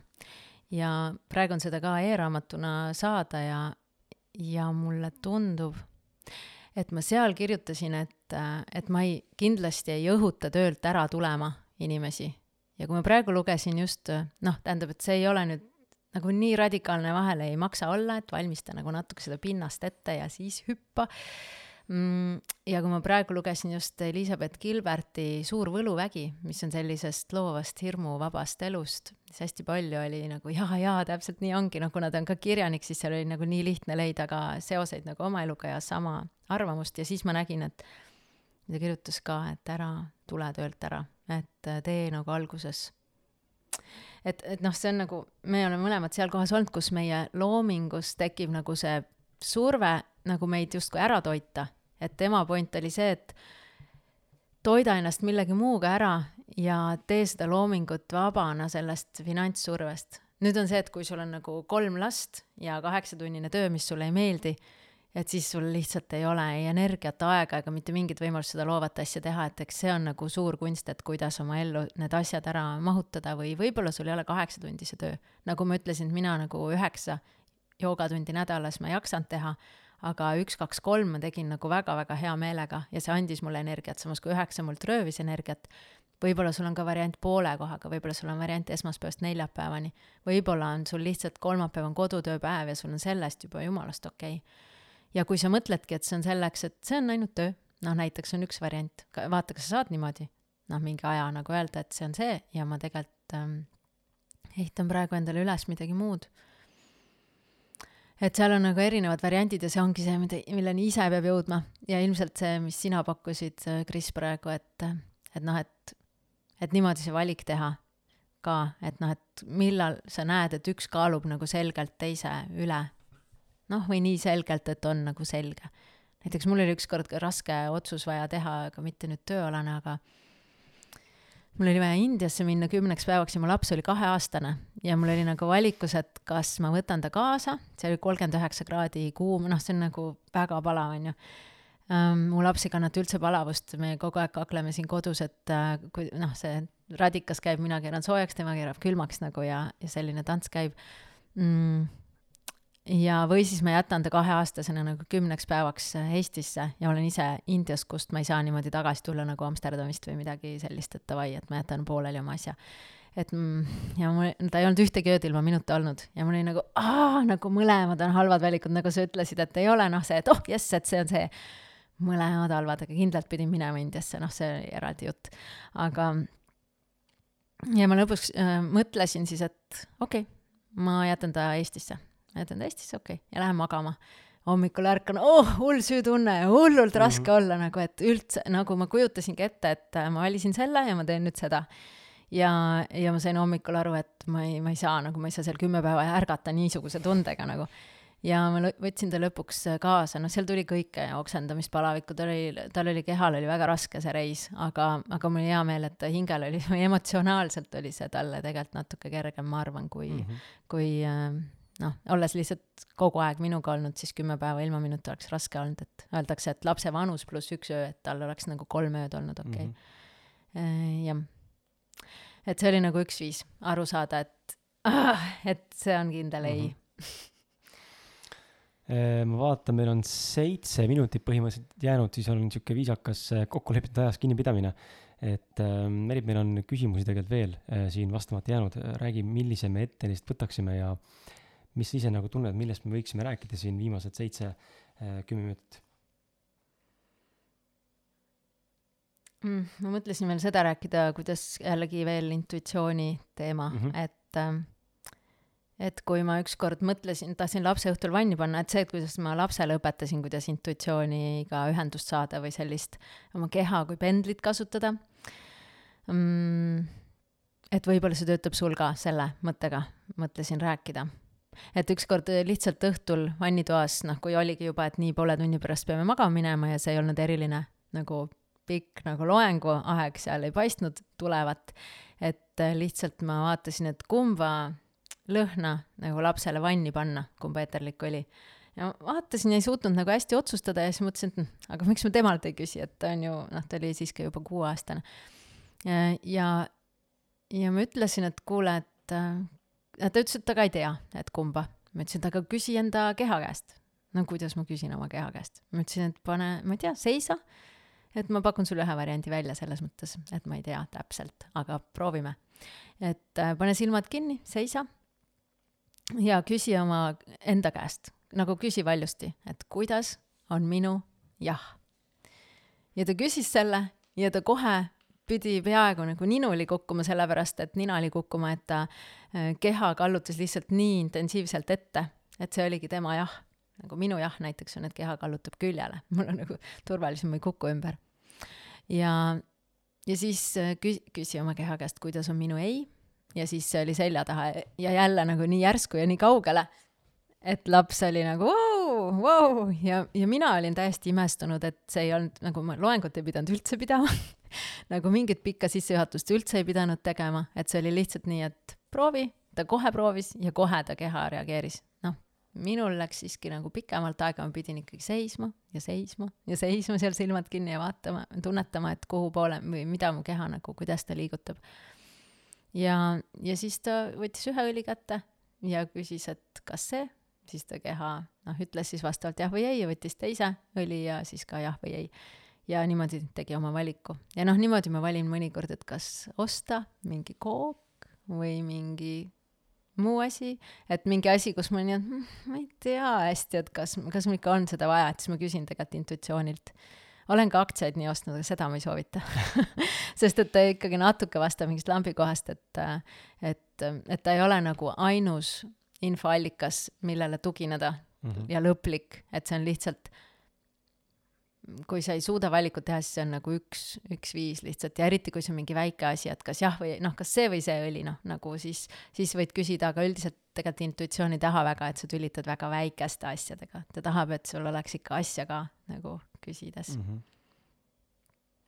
ja, ja, ja võib-olla veel see, see, et kui kui see elu on selline intuitsiooni järgi sätitud ja niimoodi hästi tunnetatud ja, ja valikud on tehtud tõesti südame järgi, siis küsid, et millest veel võiks rääkida, siis mulle tundub, et sellest, et et see ei meeldi alati kõikidele, see on hästi haavatav, sa nagu ütled, et ma tegin sellise valiku ja siis tuleb palju hinnanguid näiteks selle kohta.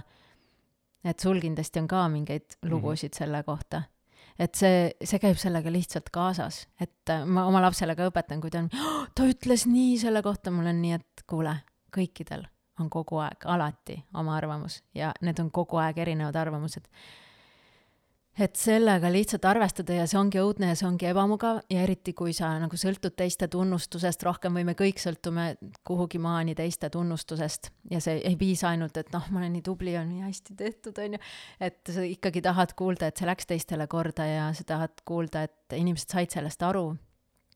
Või nagu me rääkisime ükskord Hooandja videodest, et noh, kui seal saad toetust või ei saa toetust, sa nagu noh, pead seal nagu analüüsima, et oota, et kas mu video ei olnud nii hea või mu sõnum oli ikkagi ebaselge või äkki ma ei peaks seda asja tegema või äkki ma peaks seda asja tegema, et see on tegelikult ähm, lihtsalt üks arvamus või üks peegeldus. ja, ja see ei ole lõplik tõde, et ähm, ja mis see lõplik tõde on, seda noh, me ei teagi, seda näitab lihtsalt elu ja ja meie elu näitab ka seda, et, et see ei ole nagu noh, et nagu ma ei tea, kuskil Brüsselis, kus ma olen töötanud, et seal inimesed said mingi töö äh, riigisektoris ja siis nad teadsid, et see ongi see töö, mis nad teevad kuni pensionini, nagu nelikümmend aastat vähemalt. et äh, meie saame ise oma töö valida, aga me ei tee nagu nelikümmend aastat ühte ja sama tööd, me teeme, noh, kevadel oli meie töö natuke teine kui praegu. meie nagu see põhimissioon või see, mis me tahame seda asja ajada nagu, et inimestel oleks parem elu põhimõtteliselt, ma ei tea, noh, mul on see oma sõnastuses ja sul on see oma mm. sõnastuses mm,.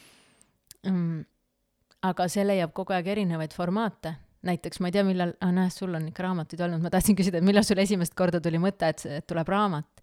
et, et noh, kogu aeg tehes podcast'i või ühte formaati või mina näiteks tegin trükiajakirja, siis mingil hetkel see muutus, et okei okay,, aga ma teen hoopis pigem üritusi ja pigem veebiasju ja veebitekste ja, ja webinare ka mm. -hmm. et, et see nagu suur point või missioon jääb samaks, aga sa tegelikult kogu aeg timmid, et noh, mis sulle sobib, noh näiteks väikse lapsega sa ei saa kõiki asju niimoodi teha või Covidiga ei saa teha kõiki asju täpselt niimoodi nagu, nagu mingil teisel ajal.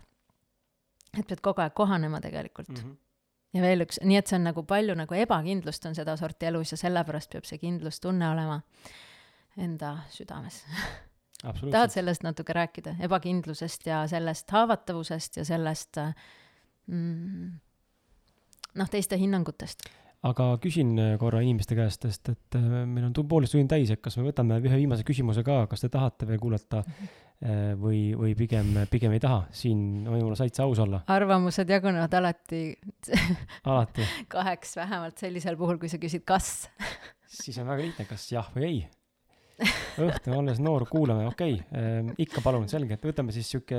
Need, kes on läinud, on juba läinud. jah, võtame sihuke siis kiire viis kuni maks kümme minti ja, ja vastame siis, laseme eriti rääkida sellest, äh, mis just teile pakkusid, sellest samast avatavusest ja, ja teiste arvamuse, ma ei tea, mis õige sõna, mitte, mitte hoolimine, aga mm. -hmm. Noh, et nagu ühe arvamusena võtmisest. ei lase nagu mõjutada. ja, ja ehk stand your ground on inglise keeles sihuke lause või väljend, et endale kindlaks jääda, sõltumata mm -hmm. sellest, mida keegi teine sinu tegemistest arvab. sest kui ma oleksin täna lasknud kümme aastat tagasi oma teekonna alguses enda arvamust mõjutada sellest, mida arvab keegi minu ümber, siis ma ei oleks mu esimest raamatut välja andnudki. sest et ma sain ikka väga palju hukkamõistu. aga, ja no selles mõttes, et äh, isegi selle podcast'iga või üldse mis iganes asjaga elus teinud olen, et ähm, mõni võib vaadata tänast webinari ja öelda, et issand, kui kihvt webinar, et see on elu parim webinar, kui üldse käinud olen. ja siis mõni mõtleb pärast, et kuradi aja raiskamine oli, täielik aja raiskamine, aga kummal on õigus? mõlemal, mõlemal on õigus. sellest ma olen ka hakanud aru saama täna ka, et ähm, teiste inimeste arvamuse kuulamine, jah, sa võid neid kuulata ja, ja võtta nagu arvesse mingeid nõuandeid ja soovitusi mm,, aga lõplik otsus oled ikkagi sina ise, sest et äh, vastasel juhul võib väga valesse ämbrisse astuda, kui sa teed arv-, noh, mingi otsuse kellegi teise arvamuse pealt, mis tegelikult pole üldse sina. jah, näiteks kui ma ajakirjaga alustasin, mul oligi nii, et oot-oot-oot, et nüüd tuleks ikka ära otsustada, kas tuleb ajakiri või ei tule. ja kuidagi kordasin endale seda, mõtlesin, et nüüd tuleks ära otsustada, sellepärast et mul oli juba noh, kaasautorid olid välja valitud ja teemad olid välja mõeldud ja trükihinnapakkumised olid võetud ja kõik oli noh, selles mõttes oli nagu seal stardipakul niimoodi, noh, et kas on start või ei ole nagu. ja nüüd oli noh, aeg juba hakkas nagu tiksuma, kuna ma teadsin, millal tahab tulla esimene ajakiri välja. ja siis ma tundsin, et see ei ole tegelikult üldse otsus, see on äratundmine lihtsalt, noh, see on juba juhtunud, see on, kuule, see on lihtsalt, ma pean lubama, et see juhtuks. ja siis see oli ühe asja algus ja mu endine ülemus ütles, et ajakirja tegemine on palju raskem, kui sa arvad. ja ma mõtlesin, okei okay,, see on üks arvamus. loomulikult oli tal õigus ja tihtipeale tulebki välja, on ju, et emal oli õigus või sellel teisel inimesel oli õigus või sellel oli õigus, aga kui palju andis oma ajakirja andmine mul-, väljaandmine mulle? mulle andis läbipõlemise kogemuse nagu super hea, selles mõttes ma sain sellest kirjutada üks või kaks raamatut nagu, siis ma mm, ja, ja ma õppisin enda kohta nii palju ja, ja ma olin sunnitud, äh, kuigi ma kartsin tohutult tehnoloogiat ja igasuguseid selliseid, isegi Instagrami kartsin nagu, noh, et see on nii keeruline, et siis ma sain sellest krambist üle ja kui palju see mulle tegelikult elus äh, annab praegu, eriti kui kõik kolib internetti. et sa ei tea, et kellelegi ka nõu andes, et noh, et ära seda tee. Isegi kui noh, sa näed, et noh, sõidab vastu seina selle asjaga, siis sa ei tea kunagi, kui palju see sein on selle inimese elus väärt tegelikult mm. -hmm. või ka see, kui sulle seda öeldakse, siis tegelikult mida sa sellest õpid, et mina tean, kui palju, kui noh, kui tugev ma tegelikult olen ja, ja ma sain nii palju inspiratsiooni sellest ja nii palju sügavust tuli nagu ma arvan, mu mõtetesse juurde tänu sellele, sest muidu, nagu ma ütlesin, mina hõljun nagu siin äh, nagu sellistes kõrgemates sfäärides nagu oma emotsionaalsetes seisundites, et mul on nagu suht lihtne elu nii-öelda. et siis mul on hästi hea meel, kui mul mingit raskust tuleb vahepeal, sest siis see annab nagu sügavust minu nendele mõtetele ja kogemustele ja sellele, mida ma oma lugejatele tahan edasi anda. et äh, selles mõttes ka läbikukkumine, noh, ma ei tea, läbikukkumine, mingi raskus on nagu super hea, tegelikult hea õpetaja, kui sa oskad seda nii võtta. loomulikult, kui nagu me enne rääkisime, jääd nagu aastateks sellesse emotsiooni kinni siis on noh, see on teine asi, siis mm -hmm. pead juba terviseprobleemidega tegelema ja ja siis sa ei õppinud sellest nagu palju midagi, on ju. aga just, et äh, lubada endal selliseid kogemusi ka saada, mis äh, ei ole ainult jee, panen Instagrami. noh hiljem paned, et siis, kui sa oled ära töödelnud selle, et oh vau wow,, see andis mulle tegelikult palju rohkem kui lihtsalt selle sissetuleku või selle egotunde, et ma sain hakkama, mm. -hmm. Vaid äh, mingi hoopis teise tahu näiteks juurde.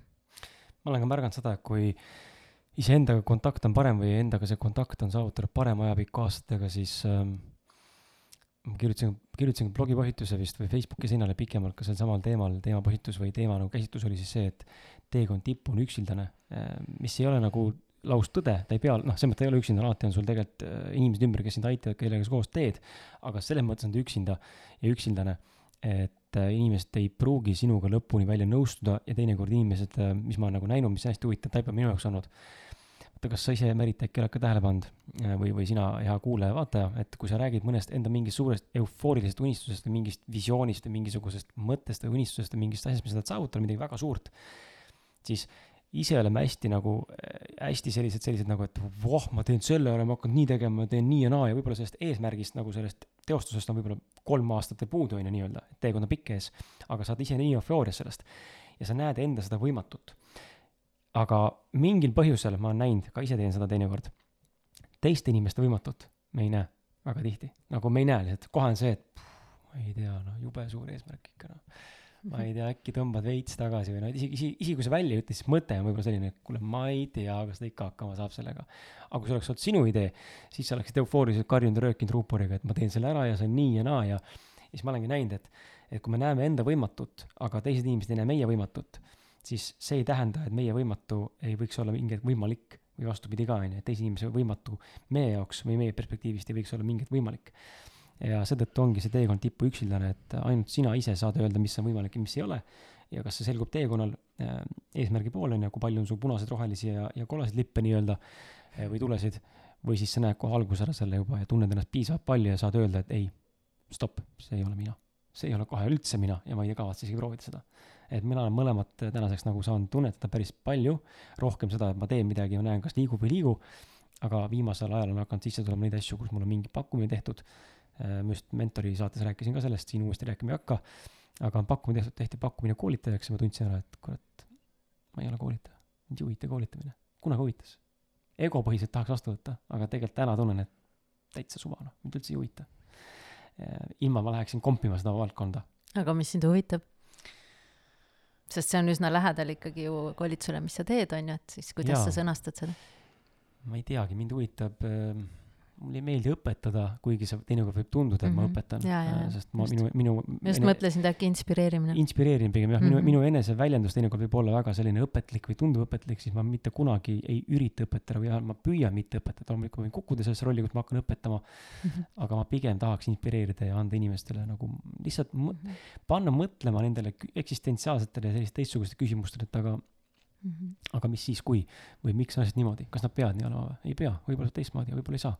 et äh, lihtsalt nagu laiendada seda vaatamis- ja küsimuse spektrit iseenda sees. Mhm. ja tihtipeale need asjad, mis on nagu mingid eesmärgid või noh, et ma tegin selle ära või saavutasin selle, et äh, see on nagu te-, lõpuks teisejärguline mingis mõttes, et äh, mingis mõttes ongi tähtis see teekond, mille sa ise isiksusena läbi käid ja, ja kuidas sa ise arened selle juures ja siis mõnikord see saavutus sealjuures noh, tõesti ei olegi enam relevantne või asjakohane või, või ei olegi enam nii oluline, et sa oledki saanud midagi muud sealt ja sa sellelt äh, platvormilt hüppad mingi kuskile ülejärgmisesse kohta, mida sa enne ette üldse ei kujutanud, et, et see teekond on hästi kihvt. mm. -hmm. aga tõmbame otsad kokku.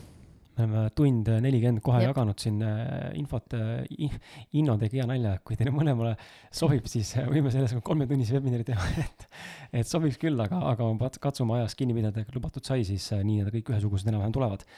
mis tähendab seda, et võib-olla kui on huvi piisavalt teil äh, Meriti vastu ja, või minu ja Meriti omavaheliste mõtete vastu, siis üks episood on tegelikult meil juba olemas Meritiga salvestatud, see oli äkki sada viis numbriga, kui ma ei eksi. ma arvan, ma ei eksi, see oli sada viis.